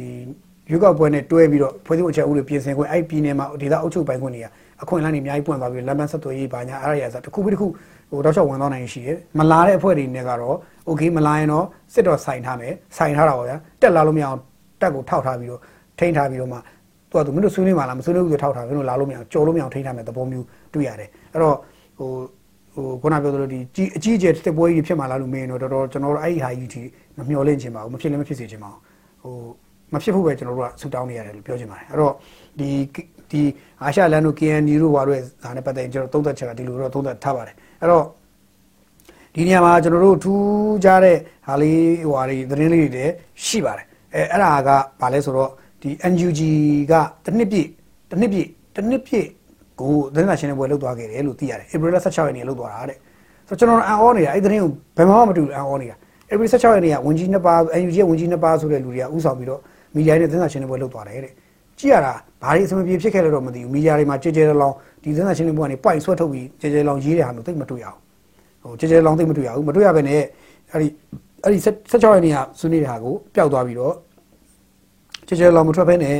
သူကအဲ့ဒီနောက်ပိုင်းမှာဦးမန်းဝင်းခိုင်တန်းထုတ်ပြောတဲ့ဟာလေးတွေပဲထွက်လာတယ်အခုဆိုရင်သူပြောတဲ့အတိုင်းပဲဆက်ထွက်လာတဲ့ခုရှိတယ်ဦးမန်းဝင်းခိုင်တန်းတို့ဘာပြောလဲဆိုရင်အာဂျေးအဲ NUG PDF တွေလွှမ်းမိုးနိုင်တဲ့ဒေတာ အာဒေတာဟိုက15ရာခိုင်နှုန်းရှိတယ် EU တွေလွှမ်းမိုးနိုင်တာ30ရာခိုင်နှုန်းရှိတယ်စုစုပေါင်း45ရာခိုင်နှုန်းသူတို့လွှမ်းမိုးနိုင်စွမ်းရှိပြီဆိုတဲ့အကြောင်းမျိုးသူကထုတ်ပြောတာစထုတ်ပြောတာတွေ့ရတယ်အဲကျေးလက်ဒေတာတွေကိုသူအခြေပြုထားတယ်လို့သူပြောတယ်အဲနောက်တော့မြို့ပြတွေသူတို့မရသေးဘူးဆိုတော့သူတို့ပြောတယ်ကျေးလက်ဒေတာအခြေပြုထားတယ်လို့ပြောတယ်ဆိုတော့တောက်ထုတ်ပြတာစထွက်လာတွေ့ရတယ်ဆိုတော့ဒီနေရာမှာဟိုတခါဥလင်ကိုလက်ကလည်းအဲဒီနေ့ဆိုရင်ထုတ်ပြောတာတွေ့ရတယ်ဂျားထဲမှာတော့တယောက်ကပြောတယ်90ခိုင်90ခိုင်နှုန်းလို့တယောက်ကပြောတယ်ဥယျာဉ်မောက90ခိုင်နှုန်းလို့ပြောတယ်အခုဥလင်ကိုလက်ကြတော့သူက ဒီမြို့နယ်36မြို့နယ်မှာတဲ့ဒီပြည်သူ့အုပ်ချုပ်ရေးအဖွဲ့တွေဖွဲ့စည်းပြီးနေပြီတဲ့ပြည်သူ့အုပ်ချုပ်ရေးဖွဲ့စည်းပြီးတော့အဲ့တော့အဲ့မြို့နယ်36မြို့နယ်တွေကကျေးလက်80ရာခိုင်နှုန်းသူတို့ကလွှမ်းခြုံထားပြီးအုပ်ချုပ်ရေးရတဲ့သူတို့လွှမ်းခြုံထားပြီးဆိုပြီးတော့ပြောလာတာတွေ့ရတယ်အဲ့ဒါနဲ့အတူတပြိုင်တည်းမှာပဲဒီနေ့ဆိုရင်မြောင်မြောင်ပေါ့မြောင်မှာအခြေခံပညာကျောင်းတွေအဲဘယ်နှကျောင်းပြောလဲခုနကကျွန်တော်ပြန်ကြည့်လိုက်တော့ကျောင်းတော့ဘယ်နှကျောင်းပြောလဲမသိဘူးဗျအဲ့တော့အဲကျောင်းဖွင့်ပွဲလုပ်တယ်ပေါ့ဗျာလုပ်လုပ်တယ်ဆိုပြီးတော့တွားပြီးတွေ့ရတယ်23ကျောင်းမြောက် မြောင် education network ကနေ23ကျောင်းမြောက်ကျောင်းဖွင့်ပွဲလုပ်တယ်ဆိုအဲ့မှာဟို PDF တွေနဲ့ကျောင်းဖွင့်ပွဲလုပ်ကြတဲ့ဟာတွေကဓာတ်ပုံတွေခန်းခန်းနာထွက်လာတွေ့တယ်ဦးလေကိုလက်ကလည်းဒီလိုမျိုးပြောလာတွေ့ရတော့ဒီဘာပြောကျေးလက်ဒေတာတွေပေါ့နော်မြို့နယ်36မြို့နယ်ရဲ့ကျေးလက်ဒေတာတွေမှာတော့သူတို့80ရာခိုင်နှုန်း coverage ဖြစ်နေပြီလို့သူတို့ပြောထားတယ်အဲ့တော့36မြို့နယ်ကဘယ်မြို့နယ်တွေဖြစ်နိုင်လဲလို့ကျွန်တော်ကြည့်လိုက်တဲ့ခါကျတော့ဖြစ်နိုင်ခြေအရှိဆုံးနေရာဒီစကိုင်းတိုင်းဒေသကြီးနဲ့ကယားပြည်နယ်တွေမှာဖြစ်ဖို့များတယ်ကရင်ပြည်နယ်နဲ့ဖြစ်ဖို့များတယ်လို့ကျွန်တော်ပြောလို့ရတယ်ဆိုတော့စကိုင်းရဲ့ကယားရဲ့ကရင်ရဲ့ကတော့ဒါ အဲသူတို့ပြောချင်တဲ့ဟာတွေပေါ့ဒါပေမဲ့တချို့မြို့နယ်တွေတော့သူတို့မရသေးဘူးဆိုတော့သူတို့သိတယ်လက်ခံထားတယ်ပေါ့အဲ့တော့အဲဒါလည်းသူတို့စိတ်ဝင်စားဖို့ကောင်းတဲ့သတင်းစကားလို့ပြောချင်တယ်နောက်တစ်ခုက PDF တွေကနေမီတို့တဖြည်းဖြည်းချင်းသူကဒီချက်ထွင်ပြီးတော့ကြီးတဲ့ဒေသတွေမှာသူတို့ရဲ့အာဏာစက်တွေကိုဖြန့်ကျက်ဖြန့်ကျက်ပြီးတော့အဲလှုပ်ရှားနေတယ်ဆိုတဲ့သတင်းစကားကတော့ကြည်ကြည်ပြည့်ပြည့်ကြားရတယ်တစ်ချိန်တည်းမှာပဲဒီခုနဟိုခုနဒီ KNU ရဲ့ CEC ပြောတဲ့ CEC အဖွဲ့ဝင်တယောက်ပြောတဲ့အဲပြောတဲ့ကိစ္စကတော့ပြောတဲ့ကိစ္စကတော့အဲ့မှာပါသွားတယ်ခုနကျွန်တော်ပြောတဲ့ထဲမှာပါတယ် ဒါကဘာလဲဆိုတော့ဒီ PDF ဒီမပါဘဲနဲ့တွဲဆိုဆွေးနွေးညွှန်ပြီးရေးချိမရနိုင်တော့ဘူးလို့ဒီပရိုစောတမိန်ထွန်ပြောတဲ့စကားပေါ့အဲ့တော့အဲ့စကားနဲ့ပတ်သက်လို့ခုနဒီဥလွင်ကိုလည်းပြောတာဒီနဲ့ကိုချိန်ပြီးပြန်ပြောရမယ်ဆိုရင်ကျွန်တော်တို့ဒီ PDF တွေမပါဘဲနဲ့ညွှန်ပြီးရေးမရနိုင်ဘူးဆိုတဲ့စကားကိုတော့ဟိုရေဝင်အဖြစ်ထောက်ခံတယ်လက်ခံတယ်လက်ခံလို့ရတယ်ဟောတော့ PDF တွေမပါဘဲတော့မပြီးနိုင်ဘူးမပြီးနိုင်ဘူးဘာလို့ PDF တွေပါမှဖြစ်မယ်ဟုတ်ဟုတ်ပြီ PDF ပါမှဖြစ်တယ်ဆိုတဲ့နေရာမှာမြန်မာနိုင်ငံမှာ PDF အဖွဲ့တွေကပြန့်ကျဲနေတယ် အဲ့ဒီ PDF အဖွဲ့အားလုံးကိုစုစည်းတာဘယ်သူစုစည်းမှလဲဆိုရင်မေခွန်းအဲ့ဒီမေခွန်းကတချို့ကပြောမယ် NUG ကစုစည်းတယ်လို့ပြောတယ်ကောင်းပြီဒီနေ့တစ်ချိန်မှာ NUG ကနေပြီးတော့အဲ့ဒီသက်ဆိုင်ရာတနိုင်ငံလုံးမှာရှိတဲ့ PDF တွေကိုဒီနေ့ဒီရက်ကစပြီးငါတို့ရက်ရက်ရမယ်ရက်ပြီးလက်နက်တွေပြန်အပ်ကြမယ်ပြီးရင်ငါတို့ငါတို့အစိုးရပြန်ရတော့မယ်နောက်တစ်ပတ်တည်းမှာငါတို့ဦးမေအောင်လိုင်းမင်းအောင်လိုင်းတို့နဲ့ငါတို့ဆွေးနွေးမယ်ဦးမေအောင်လိုင်းငါတို့ဆွေးနွေးမယ်မင်းတို့လက်နက်တွေကိုင်းနေရက်ပါလို့အမိန့်ထုတ်ကြည့်မင်းဦးမေအောင်လိုင်းတို့နဲ့ဆွေးနွေးတဲ့ငန်းစဉ်ပေါ်လာပြီးတော့ UNG ရဲ့ဥဆောင်တဲ့အစိုးရပေါ်လာမယ်ဆိုပါစို့ပေါ့ဗျာအဲ့မင်းတို့လက်နက်ကိုင်းတဲ့ရက်ပါလို့ပြောရင်တနိုင်ငံလုံးမှာရှိတဲ့အဲ့ဒီ PDF တွေကရက်သွားမယ်လို့ခင်ဗျားတို့ယုံကြည်သလားအဲ့မေကွန်းကျွန်တော်စမေးရမယ်ရက်သွားမယ်လို့ယုံကြည်သလားပေါ့အဲ့မေကွန်းကိုကျွန်တော်မေးရတဲ့အကြောင်းရအထိပ္ပယ်ရှိတယ်ဘာလို့လဲဆိုတော့ရက်မယ်လို့ယုံကြည်တယ်ဆိုရင်တော့ယုံကြည်တဲ့ဘက်မှာခင်ဗျားတို့သွားပြီးရက်တင်တယ်မယုံကြည်ဆိုမျိုးချင်းမှာခင်ဗျားတို့ရက်သွားရက်တင်တယ်ပြီးရင်စဉ်းစားရလို့တခြားစဉ်းစားကြည့်တင်တယ်ဒီကျွန်တော်တို့အတွေ့အခေါ်အယူဆရစဉ်းစားကြည့်တင်တယ်ရက်ပါလို့ပြောရင်ရက်ပါမလားမရက်ခဲ့ရင်ခုန ဦး KNU က CEC ပြောတဲ့ကိစ္စရောဖြစ်နိုင်လားဦးစောသမိန်ထုံပြောတဲ့ကိစ္စဖြစ်နိုင်ခြင်းရှိသလားပေါ့ဘာလို့ဆိုတော့သူကခေါင်းဆောင်မှုဆိုတဲ့နေရာမှာဒီစစ်တပ်ကတော့စစ်တပ်ကတော့စစ်တပ်ခေါင်းဆောင်ဗိုလ်ချုပ်ကြီးမင်းအောင်ဟေးငါတို့တနိုင်ငံလုံးရက်กว่าဆိုရင် तू ကသူ့ရဲ့ဒီ chain of command ကအားကောင်းပဲခဲ့ပြီးသားဖြစ်တဲ့တခုံးလို့တခုံးပြီးတယ်ဟိုတက်ကတော့ခုနကျွန်တော်ပြောတဲ့အတိုင်းပဲ chain of command မှာသူတို့ကဗိုလ်ချုပ်ကြီးမင်းအောင်ရက်ဆိုရင်ချက်ချင်းသူတို့ရက်သွားလိမ့်မယ်တိုင်းသားလက်နက်ကိုင်တွေမှာရော သူဒီ PDF တွေမှာရော ရမှာလားဆိုတဲ့မေးခွန်းတော့ရှိတယ်ကို PDF တွေကျွန်တော်တို့ခေါ်လိုက်ကဲ PDF တွေပါမယ်ဆိုရင် PDF အစုဖွဲ့ရဲ့ခေါင်းဆောင်ဘာလို့လဲဆိုတဲ့မေးခွန်းကအားလုံး NUG လို့သူတို့ပြောကောင်းပြောလိမ့်မယ်ဒါပေမဲ့ NUG ကခုနလိုမျိုးဒီရက်ပါလို့ပြောရင်ခုနဒီနေ့ဒီရက်မှာဒီနေ့စာရက်ပါစစ်ပွဲတွေတိုက်ပွဲတွေခဏရက်ပါလို့ပြောရင်ရက်မှာလားဆိုတဲ့မေးခွန်းတွေကတော့တော်တော်ကြည့်ချက်ဖြေရမယ်ပြီးရင်ဘယ်နေ့ဘယ်မှာလက်နက်ဖြုတ်သိမ်းမယ်ဆိုရင်ဖြစ်နိုင်လားအဲ့မေးခွန်းကတော့ပြန်ဖြေရတော့မှာဖြစ်နေတယ်အဲ့တော့ဒီတိုင်းသားလက်လက်ကိုင်တွေထဲမှာဆိုရင်ဥမာကျွန်တော်တို့အတိတ်တုန်းကဘာတွေဖြစ်ခဲ့ဘူးလဲလို့မေးရင်အာထားပါတော့ဥခွန်စာကြီးက ဒီလက်နက်နဲ့ကြီးချမ်းယူမယ်လို့ဆိုပြတဲ့အချိန်မှာဥကျစစ်တို့အုပ်စုကခွက်ထွက်သွားတယ်မယူခြင်းတဲ့အတွက်သူခွက်ထွက်သွားတယ်အဲ့တော့ခွက်ထွက်သွားတာကြိုးပြီးခွက်ထွက်သွားတယ်ဆိုပေမဲ့တေချာတော့တော့ကြိုးပြီးခွက်ထွက်သွားတယ်ဆိုပေမဲ့တေချာတာကတော့တို့ကတကယ်တမ်းဟိုကဥခွန်စာယူရင်တို့ခွဲမှာပဲပြင်းပြီးသားပဲတို့ကအဲ့တော့အဲ့တော့ဆိုလိုတာကဒီလက်နက်ကင်ဖွဲ့စည်းတွေထဲမှာလည်းခုနကသူအဖွဲ့အစည်းကြီးတစ်ခုအနေနဲ့ငါတို့တွေလက်နက်တွေလက်နက်ကြီးကြီးငါတို့ယူမယ်ကွာပြီးပြီဆိုပြောရင်တော့သူတို့ထဲမှာပဲနောက်ထပ်တဘူတမင်းပြန်ခွဲထွက်သွားတဲ့အဖွဲ့တွေအများကြီးထပ်ပေါ်လာတဲ့ဒီလိုမျိုးပဲ ဆိုတော့တက်မှာတော့အဲ့လိုပေါ်လာတဲ့အကြောင်းမရှိဘူးသို့တော့ဒီတိုင်းသားလက်နက်ကိုင်ဖွဲ့စည်းတွေမှာခုန PDF တွေမှာတော့အများကြီးပေါ်လာလိမ့်မယ်ပေါ်လာနိုင်ရှိအာဒါကဒါကမင်းတို့မင်းတို့ယူတဲ့မင်းတို့ယူတဲ့ဒီငင်းချမ်းရေးဟာစစ်မှန်မှုမရှိဘူးဆိုတဲ့ဟာမျိုးနဲ့ချမှာပဲအရင်တော့ကျွန်တော်တို့ဖာစာပါလာနဲ့ community နဲ့ချတယ်လို့မျိုးချမယ်ဇလန်ပေါ်လာနေတာဖာစာပါလာနဲ့ community မှာလည်းဖာစာပါလာယူပေးတဲ့လွတ်လပ်ရေးဟာအတူအောင်လွတ်လပ်ရေးရွှေရည်စိန်လွတ်လပ်ရေးအဲ့တော့အင်္ဂလိပ်တွေပေးတဲ့ဟိုပေးစာကမ်းစာကိုစားမယ်လွတ်လပ်ရေးအဲ့တော့လုံးဝလက်မခံနိုင်ဘူးဆိုတော့ဟာမျိုး community ကတောက်လျှောက်ဟိုဝါရဖြန့်တိုက်ခိုက်ခဲ့တာမျိုးရှိခဲ့ဘူးလေ အဲ့ဒီသဘောမျိုးပဲအခုလည်းတကယ်လို့သာတက်နေအဲ့ဒီတိုင်းသားလက်နက်ကိုင်နဲ့ညီသွားမယ်ဆိုရင်ညီသွားမယ်သဘောထားပါပြီလို့ညီနိုင်တိုင်းမျိုးလို့ရပြီဆိုရင်ခုနလိုမျိုးတခါ PDF တွေတဲ့ခေါင်းဆောင်တွေနဲ့ညီနိုင်တိုင်းမျိုးလို့ရသွားခဲ့မယ်ဆွေးနွေးလမ်းကြောင်းပေါ်လာခဲ့မယ်ဆိုရင်ပြောတာနော်ပေါ်လာခဲ့ရင်တော့အဲ့လိုဖြစ်လာမယ်ဆိုရင်တော့ဒီကောင်တွေသွားတာဒီရွှေရည်စိန်တွေဘာလို့လာရင်ဘယ်နဲ့လုံမလဲဆိုတော့ဇလန်းရှိပြန်အောင်အဲ့တော့ဒါကတော်တော်လေးစဉ်းစားရမယ့်ကိစ္စသို့တော်လည်းဒီ KNCC ဦးစောတမိန်ထုံပြောတဲ့ကိစ္စကတော့ဖြစ်နိုင်ချေတော်တော်နည်းသေးတယ်လို့လက်ရှိလက်ရှိချိန်မှာဖြစ်နိုင်ချေတော်တော်နည်းသေးတယ်လို့ပြောလို့ရပါတယ်ဥပမာ PDF တွေရဲ့ခေါင်းဆောင် NUG တို့နဲ့တက်ကလူတွေနဲ့ဆွေးနွေးဖို့ဆိုတဲ့ကိစ္စတော်တော်တော့ဖြစ်နိုင်ချေနည်းနေသေးတယ်လို့ပြောလို့ရတယ်အချိန်တစ်ခုရောက်တော့အခါရောက်မှသာလျှင်အဲတက်တာတော့မှသဘောရှိတယ်အဲ့တော့ဒီနေ့ဖြစ်နေတဲ့နိုင်ငံအခင်းချင်းကြီးကိုဒေါ်ဆန်းစုကြည်သိပါသလားဆိုတဲ့မေးခွန်းကျွန်တော်ရခဲ့တဲ့ information အရဆိုရင်သူ့ရဲ့ရှေ့နေတွေကသူ့ရဲ့ရှေ့နေတွေမှာဟိုရှေ့နေ professional လုပ်ကိုလုပ်တဲ့သူရှိတယ် professional လုပ်ကိုမလုပ်ဘဲနဲ့သူရင်းတဲ့ဖွဲ့ရှိတယ်အမေသမီးတို့နိုင်တော့မှာသမီးတို့နိုင်တော့မှာမကြရင်နိုင်တော့မှာ အမေခဏပဲတောက်တာအဲ့လိုပြောတဲ့လူကသက်သက်ရှိတယ်သူ professional လုပ်ကိုသူလုပ်တဲ့လူကသက်သက်ရှိတယ်အဲ့တော့ဒေါ်ဆန်းစုကြည်ရှေ့နေတွေမှာအမှုပေါ်မူတည်ပြီးတော့ရှေ့နေတွေအများကြီးကွဲနေတယ်ကိုယ်တော့ရှေ့နေတွေထဲမှာလည်းမညီမညွတ်တွေဖြစ်နေတာလို့ကြားရတယ်တခါဒီသတင်းစကားတွေဒေါ်ဆန်းစုကြည်ကဒီဒီတိုင်းပြည်လက်ရှိဖြစ်နေတာကိုကြားတယ်သတင်းစကားတွေသူသိထားတယ်လို့သိရတယ်ဆိုတော့ तू သိထားတဲ့အတွက် तू တခုခုထွက်ပြောဖို့ပြောမှလားဆိုတော့မိကွန်းဆိုတော့ तू ထွက်ပြောဖို့လုံးဝအစီအစဉ်ရှိဖို့မရသေးဘူးလို့သိရတယ်။ဘာလို့ဆိုဟိုပြီးခဲ့တဲ့ရက်ပိုင်းက तू ညီညွတ်နေကြပါဆိုတဲ့သတင်းစကားပါတယ်ဆိုတဲ့ကိစ္စကပြည်သူတွေပြောတာမဟုတ်ဘူးတဲ့။ ရှင်းနေတယ်ကိုပဲသူ့ရှင်းနေတယ်ကိုမင်းတို့ရှင်းနေတဲ့အချင်းချင်းမချကြနဲ့။မော်ညီညွတ်နေကြကျွန်မအမှုကိစ္စကိုတော့ညီညွတ်လုပ်ကြပါဆိုတာပြောတာလို့ပြန်ကြားရတယ်။အဲ့ဒီခါကျတော့အာဒီစကားကပြည်သူတွေတက်ပြောတာမဟုတ်သေးဘူး။ပြည်သူတွေကိုယူရတာမဟုတ်သေးဘူးလို့ပြန်သိရတယ်။အဲ့တော့ तू ဒီအခင်းချင်းဖြစ်နေပါလေနဲ့။ तू အခုထိတော့ तू တခွန်းမှပြောတာတော့မတွေ့ရသေးဘူး။အဲပြောဖို့ကျွန်တော်တို့မျှော်လင့်ထားတယ်မျှော်လင့်နေခဲ့တယ်သို့တော့ဒီနေရာမှာထပ်ပြီးမေးခွန်းရှိတာကဒေါ်ဆန်းစုကြည်ကအခုနေမှာမဖြစ်တော့ပါဘူးကဲငါတို့အဲ့တော့တခုခုတော့ထွက်ပြောမှဖြစ်မယ်ငါတို့တခုခုတော့သတင်းစကားပါမှဖြစ်မယ်ဆိုပြီးတော့ ဟိုတခုခုထွက်ပါမယ်သို့မဟုတ်သူပါမယ်ထဲမှာဗျာအမအာဒီလက်နက်နဲ့အဲလက်နက်ကင်ဒေါ်လာနဲ့လမ်းစီကိုဖယ်ပြီးတော့ဒီနိုင်ငံရေးပြဿနာကိုနိုင်ငံရေးမူနဲ့ဆွေးနွေးကြနိုင်ငံရေးပြဿနာနိုင်ငံရေးနဲ့ဖြေရှင်းကြပါညှိနှိုင်းတိုင်ပင်ဖြေရှင်းကြပါနောက်တော့မဆိုင်တဲ့သူတွေတက်ဖြတ်နေတာတွေကိုမဆိုင်တဲ့သူတွေတေးချပျက်စီးနေရတာတွေကိုမဖြစ်စေသင့်တော့ဘူးလို့သူပြောခဲ့ရင်အဲ့ဒီ NUG ရဲ့ခေါင်းဆောင်တွေရဲ့ NUCFH ခေါင်းဆောင်တွေရဲ့ PDF ခေါင်းဆောင်တွေရဲ့လက်ခံပါမလားဒေါက်ဆာစုကြည်ပြောတာအတူကြီးလားလို့ထပြောကောင်းပြောလာမှလားဆိုတော့မိကုန်းလဲ ဒါစဉ်းစားစရာကောင်းတဲ့ issue တွေဖြစ်လာတာတွေ့ရတယ်။ဘာလို့ဆိုဒီနေ့တစ်ချိန်ရဲ့ပြဿနာနိုင်ငံရေးပြဿနာကလည်းနည်းနည်းရှုပ်ထွေးနေတဲ့အခြေအနေမှာသွားတွေ့ရတယ်။ပြီးတော့ဘသူကပို့လဲဆိုတဲ့ခေါင်းဆောင်ရှိတယ်။ PDF တွေမှာဘသူကပို့လဲ။ဘယ်ကောင်ကပို့ပြီးတော့တိုင်းပြီးတော့အလုပ်လုပ်ပေးရလဲ။ဘသူကမှတိုင်းပြီးတော့တကယ်နဲ့နာခံပြီးဘသူကတော့ရောရောင်လိုက်တာလဲ။ဘသူကတော့ခုနဒီဟိုထောက်ပံ့ထောက်ပို့တွေဟာကိုရှောင်ပြီးတော့ကိုယ့်ဟာကိုကိုခွင့်ရေးကိုရှာကြတာလဲဆိုတာလည်းအချင်းချင်းကြားမှာနည်းနည်းတချို့ဟာတွေပြဿနာရှိနေသေးတာတော့တွတ်တွေ့ရတော့အဲ့တော့သူတို့ unity ကနည်းနည်းလေးပြန်စဉ်းစားရမယ် အခြေအနေမှာရှိတဲ့တခါကျတော့ဒီဦးဒီတက်ချုပ်ဗိုလ်ချုပ်မှုကြီးမင်းအောင်နိုင်ဦးနဲ့ဆွေးနွေးတဲ့ကိစ္စမျိုးသာမတော်တဆပေါ်လာခဲ့ရင်တော့အဲ့ဒီပြဿနာနောက်ထပ်နောက်ဆက်တွဲရင်ဆိုင်နိုင်ကြီးလေဒါရှိနေတာကိုကျွန်တော်တို့တော့မြင်ရတယ်ဆိုတော့ဘာဖြစ်ဖြစ်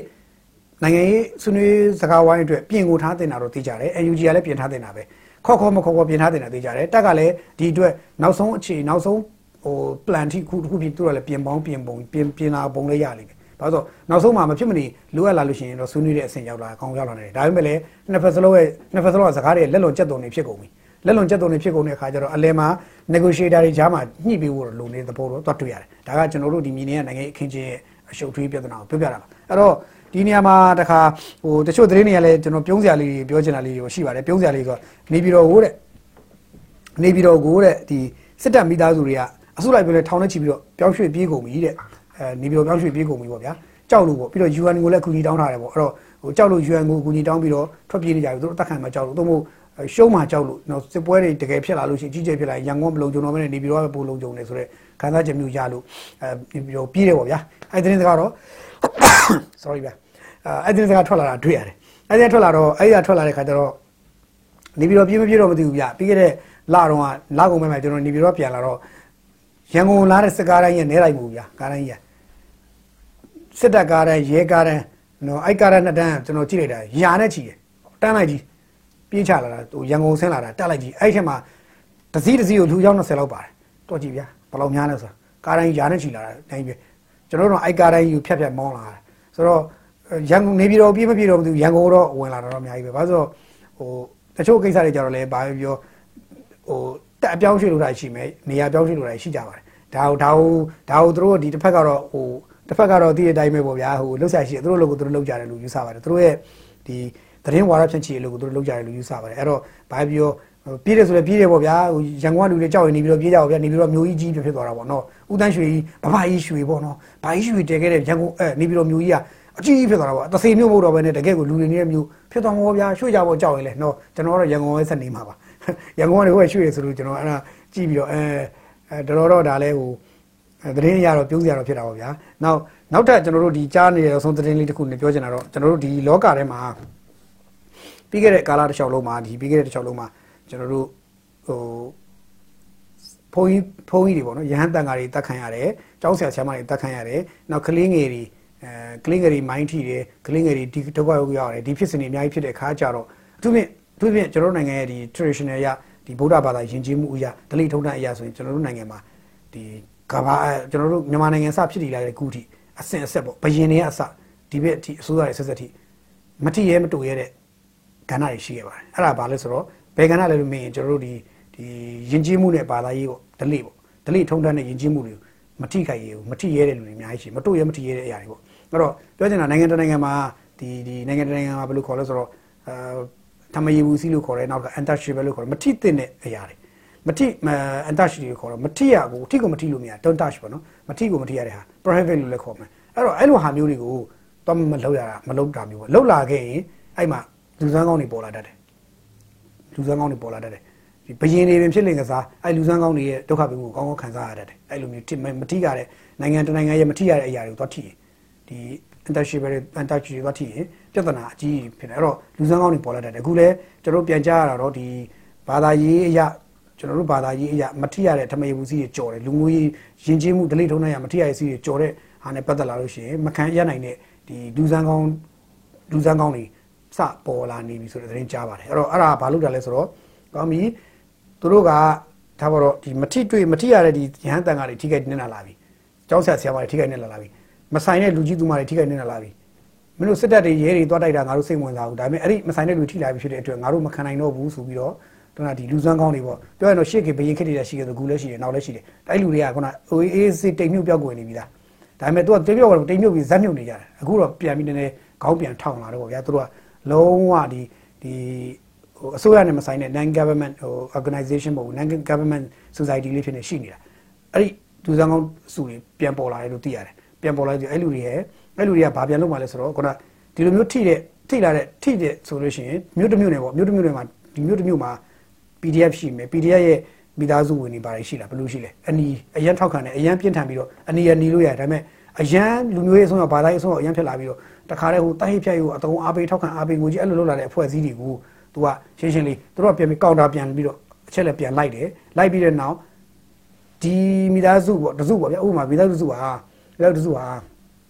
PDF တွေကိုအကြီးကျယ်ထောက်ပံ့တယ် အတကုံဝါဖြစ်တယ်တောက်လျှောက်ဝါဖြစ်တယ်ပြီးတော့ဘာသာတရားထိတယ်ယဉ်ကျေးမှုထိတယ်ဒလိထုံးနှန်းထိတယ်ဖုန်းကြီးတန်ဃာတွေဆရာဆရာမတွေထိခိုက်တက်ခိုက်ကြတာကိုအရန်ဝါဖြစ်နေတယ်ဆိုရင် तू အဲ့ဒီဟာတွေပြန်ပြီးတော့မြို့မြို့လိုက်မြို့လိုက် तू စုံစမ်းပြီးတော့ history လိုက်ထားတယ်လိုက်ပြီးတဲ့နောက်တပါလို့ဆို warning လုပ်တယ်မင်းတို့ရတန်းရက်တင်တယ်မဟုတ်ရင်ငါတို့ကလည်းတံပြန်သွားမှာတံပြန်လုံးမှာအဲ့တော့ဒီဘက်ကမဆိုင်တဲ့သူတွေထိခိုက်လာရင်မင်းတို့ဒီဘက်ကမဆိုင်တဲ့သူတွေထပ်ထိသေးတယ်အဲ့တော့သူတို့ကမထိရမဲ့လူတွေမထိဘူးဥပမာအားဖြင့်အမျိုးသမီးတွေကလေးတွေကိုရှောင်မယ်အမျိုးသမီးတွေမှာမှတခါ အဲအရန်အဆုံးရောက်တဲ့အမျိုးသမီးတွေတိုင်းမရှောင်တော့ဘူးကလေးတွေကိုလုံးဝရှောင်မယ်ကလေးတွေလုံးဝမထိအဲ့ဒီဒီလိုမျိုးအရန်ဆုံးရောက်လာတဲ့လူတွေကြရင်သူတို့ဖယ်ရှားရှင်းလေးလုပ်မယ်ဆိုတော့တံပြန်ရှင်းလေးဖွဲ့သူရဲကောင်းဖွဲ့တွေပေါ်လာတာကိုလူစွမ်းကောင်းဖွဲ့ပေါ်လာတာပေါ်လာတယ်ဆိုတဲ့သတင်းကြားနေရတယ်အဲ့တော့မြို့အချို့မှာစပြီးပေါ်နေပြီလို့ကျွန်တော်ကြားရတယ်မြို့အချို့မှာဆိုတော့အဲ့ဒီမြို့နယ်အချို့ကလူတွေကသူကစစ်တပ်ကတွေစစ်တပ်တွေရဲရဲတော်ဝင်ကြမလို့တော့အဲ့ဒီအဖွဲ့တွေကခုနထပ်ပြောရရင်တော့ပြူစောတီမဟုတ်ဘူးလို့ပြောတယ်နံပါတ်1ကပြူစောတီမဟုတ်ဘူးနောက်တစ်ခုကပြည်ခိုင်ဖြိုးမဟုတ်ဘူးပြူစောတီမဟုတ်ဘူးသူတို့က တာမန်အေးအေးဆေးဆေးနေတဲ့ခုနဒီဒီခစ်သမိုင်းစင်စစ်အလိုက်အရေးကြုံရင်ပေါ်ပေါ်လာလိမ့်ရှိတဲ့လူစမ်းကောင်းအုပ်စုလို့ခေါ်တယ်အဲ့ဒီအုပ်စုတွေပေါ်လာတယ်လို့ပြန်ထွက်ပြီးတော့ခေါင်းထောင်လာတယ်အဲ့ဒီအုပ်စုကနိုင်ငံအနှံ့ပြမှာရှိတယ်လို့ကျွန်တော်သိရတယ်ဆိုတော့တစ်မြို့မှာအနည်းဆုံး5 6 6 9ယောက်10ယောက်အဲ့လိုတစ်မြို့တစ်မြို့မှာအဲ့လိုရှိရှိလာပြီးတော့အဲ့ဒါအခုဆိုရင်တို့ကပြန်ပြန်ပြီးတော့ငါတို့တော့ထွက်ရက်မှာဖြစ်တော့မယ်ငါတို့ထွက်ရက်ပြီးတော့တခုလှုပ်ရှားမှာဖြစ်တော့မယ်လို့တို့ယုံကြည်ပြီးတော့စပြီးတော့တို့လှုပ်ရှားတယ်အဓိကတော့လှုပ်ရှားမှုကကျန်တဲ့လူတွေဒုက္ခပေးဖို့မဟုတ်ဘဲနဲ့ ကောင်တာပြန်ပြီးတော့သတိပေးနိုင်မှုနံပါတ်1သတိပေးတယ်နံပါတ်2သတိပေးလို့မရရင်သွားပြီးတော့ဟိုသူတို့ရဲ့ပါဝါကိုထုတ်ပြတယ်မရဘူးဆိုရင်တော့သုံးချိန်မြောက်ကြရင်တော့ခွင့်မလို့တော့ဆိုတဲ့ပုံစံဖြစ်သွားတာအဲ့တော့ PDF တွေကလည်းမျိုးပြမှာလားဘုံဖောက်တယ်ဘာဖြစ်လဲညာဖြစ်လို့ရင်သူတို့ရဲ့မိသားစုတွေကအနေနဲ့များတဲ့ခင်ချင်းဖြစ်လာနေရှိတယ်ဆိုတော့ကျွန်တော်ကတော့ဒီလိုလူစမ်းကောင်းတွေပေါ်လာတာကိုဟိုကြိုးစိုးရမလားထောက်ခံမလားတို့သို့မဟုတ်ဘာဖြစ်လာမေးရင်တော့ကျွန်တော်ပွင့်နေပြောရင်တော့ပေါ်လာတာတော့ဟိုဘလို့မှစိတ်ပူတယ်ရင်ပူတယ်ဘာလို့ရင်ပူလဲဆိုတော့အကုန်လုံးလူသက်တွေဖြစ်တဲ့အခါကျတော့ ဟိုအပြန်အလှန်နေချကြရင်ကျွန်တော်တို့တိုင်းပြည်ကရင်နာစရာကောင်းတဲ့ရင်မောစရာကောင်းတဲ့အခင်းချင်းတွေဖြစ်သွားတတ်တယ်ဆိုတာကိုတော့ကျွန်တော်မြင်ပါတယ်နားလည်ပါတယ်အဲ့တော့ဟိုပေါ်သေးပေါ်ထိုက်လို့ပေါ်လာတာကိုလည်းပေါ်ပေါ်ပါနဲ့ပြောလို့လည်းမရနိုင်ဘူးအဲ့တော့ပေါ်နေရကိုလည်းမင်းတို့ပေါ်တာမှားတယ်မှန်တယ်လည်းကျွန်တော်ပြောဖို့ခက်တယ်သို့တော့တချို့ຢာတွေကမဖြစ်တင်တာတွေမဖြစ်အောင်တချို့ຢာတွေကသက်ဆိုင်ရာအဲသက်ဆိုင်ရာပတ်သက်ပေါင်းပတ်သက်သူတွေဟိုအကုန်လုံးကသတိနဲ့ထားနေထိုင်သင့်တယ်လို့ကျွန်တော်ပြောချင်ပါတယ်နောက်တစ်ခုက ရက်တဲ့ရက်တဲ့နေရာမှာရက်ကြဖို့လိုပါတယ်တချို့လောက်ရက်တွေဟာရက်တဲ့နေရာမှာရက်ကြဖို့လိုတယ်မရက်ရင်မရက်ချင်းအကျိုးကျေးဇူးနောက်ဆက်တွဲစိုးကျိုးတွေနဲ့ပြန်ပြီးရင်ဆိုင်ရပြီးတော့လူတိုင်းဝိုင်းတွေအများကြီးကြားထဲမှာမလိုလားတဲ့ဟိုသူထက်တိုင်ဖြစ်မှုတွေအကြီးကြီးထပ်ဖြစ်လာမှာစိုးပါတယ်အဲကြတော့ဒီစစ်တပ်အုပ်ချုပ်ရေးရန်တရားကသူ့ဟာသူသွားနေတာတချမ်းဒီပြူစောတိတို့ပြည်ခိုင်တို့တို့ဆိုပြီးတော့တချို့တွေဆွဆွဲနေတာတချမ်းအဲ့ဒါနဲ့မဆိုင်တဲ့အချမ်းနဲ့တီးချတက်တက်ထွက်လာတဲ့ third party အင်အားစုဟိုတကယ်ဟွာတွေပြူစမ်းကောင်းများအုပ်စုကတော့ တော်တော်တော့သတိထားကြကောင်းတဲ့စုဖြစ်နေပေါ်လာတယ်ဆိုတော့ပြောချင်ပါတယ်သူကတော့တာမန်ပြည်သူတွေပြည်သူကမှမထိခိုက်မှာမဟုတ်ဘူးဘယ်ဖွဲ့စည်းမှပုတ်ခတ်စော်ကားတိုက်ခိုက်မှာမဟုတ်ဘူးဘယ်ဖွဲ့စည်းကမှအဲလောက်ကြံဘာဖြစ်တယ်လုံးဝမဟုတ်ဘူးသူတို့ကအဲ့မြို့ရဲ့လုံခြုံရေးအတွက်ကိုသူတို့ရှိမယ်အဲ့မြို့မှာမဆိုင်တဲ့လူတယောက်ဒုက္ခရောက်ခံရပြီဆိုရင်သူတို့ရအောင်ဖော်ထုတ်လိုက်ပြီးတော့အဲ့ဒီမြို့မှာအရေးကြီးတဲ့ပုံကိုအဲ့ဒီမြို့ကတကယ်ဟိုဘာဘယ်သူတွေလဲ PDF နဲ့ဆက်ဆက်တာဘယ်သူတွေလဲ PDF ကိုဘာဖြစ်တာဘယ်သူတွေလဲဆိုတော့သူတို့ကဖော်ထုတ်ပြီးတော့မှပြန်ပြီးတော့ပြန်ပြီးတော့ကောင်းတာပြန်တိုက်မယ်အုပ်စုလို့ကျွန်တော်သိရပါတယ်အဲ့ဒီခါကျတော့ ဘာပြောသူတို့မှတနက်တွေရှိတာမဟုတ်ပါဘူးသူတို့ရဲ့ကိုယ်ခံပညာနဲ့အစွမ်းဆောင်ရည်အများကြီးရှိလို့ကျွန်တော်သိရတယ်သူတို့ကရှင်းပြရင်တော့တချို့လူတွေဆိုရင်အဲရိုးရိုးဒုတ်သားနဲ့ဒုတ်ဒုတ်သားမဟုတ်ရိုးရိုးသူတို့လက်ချိပလာတဲ့တော့သူတိုက်ခိုက်နိုင်တယ်ဆိုတာရှိတယ်လို့ကျွန်တော်ကြားပါတယ်ဆိုတော့ကျွန်တော်တော့မဖြစ်တင်တာတွေမဖြစ်ဖို့ပဲကျွန်တော်တော့ဟိုမဖြစ်ဖို့ပဲကျွန်တော်မျှော်လင့်ပါတယ်အဲ့တော့ဘာပဲပြောဒီတိုင်းပြည်မှာတချို့ကိစ္စတွေဟာဟိုခက်ဆက်ဆက်ကျွန်တော်တို့မြန်မာနိုင်ငံတမိုင်းစင်ဆက်အရာဒါဟာ လိုအပ်တဲ့အချိန်မှာလိုအပ်သလိုပေါ်လာကြတာကိုပေါ်လာကြလိမ့်ရှိတယ်ဆိုတာမျိုးကိုတော့ကျွန်တော်ဒီနေ့ကနေသတင်းစကားလေးကိုကြိုးပါချင်ပါတယ်အဲဘာပဲပြောဒီသတင်းစကားလေးပါရင်လည်းပဲကျွန်တော်ရဲ့တင်ဆက်မှုတွေကိုဒီညပဲရတာကောင်းပါလေဗျာနော်ဆက်ပြောရင်လည်းအဲမကောင်းဘူးဗျာအဲ့တော့အားလုံးခုနိုင်ပါဗျာ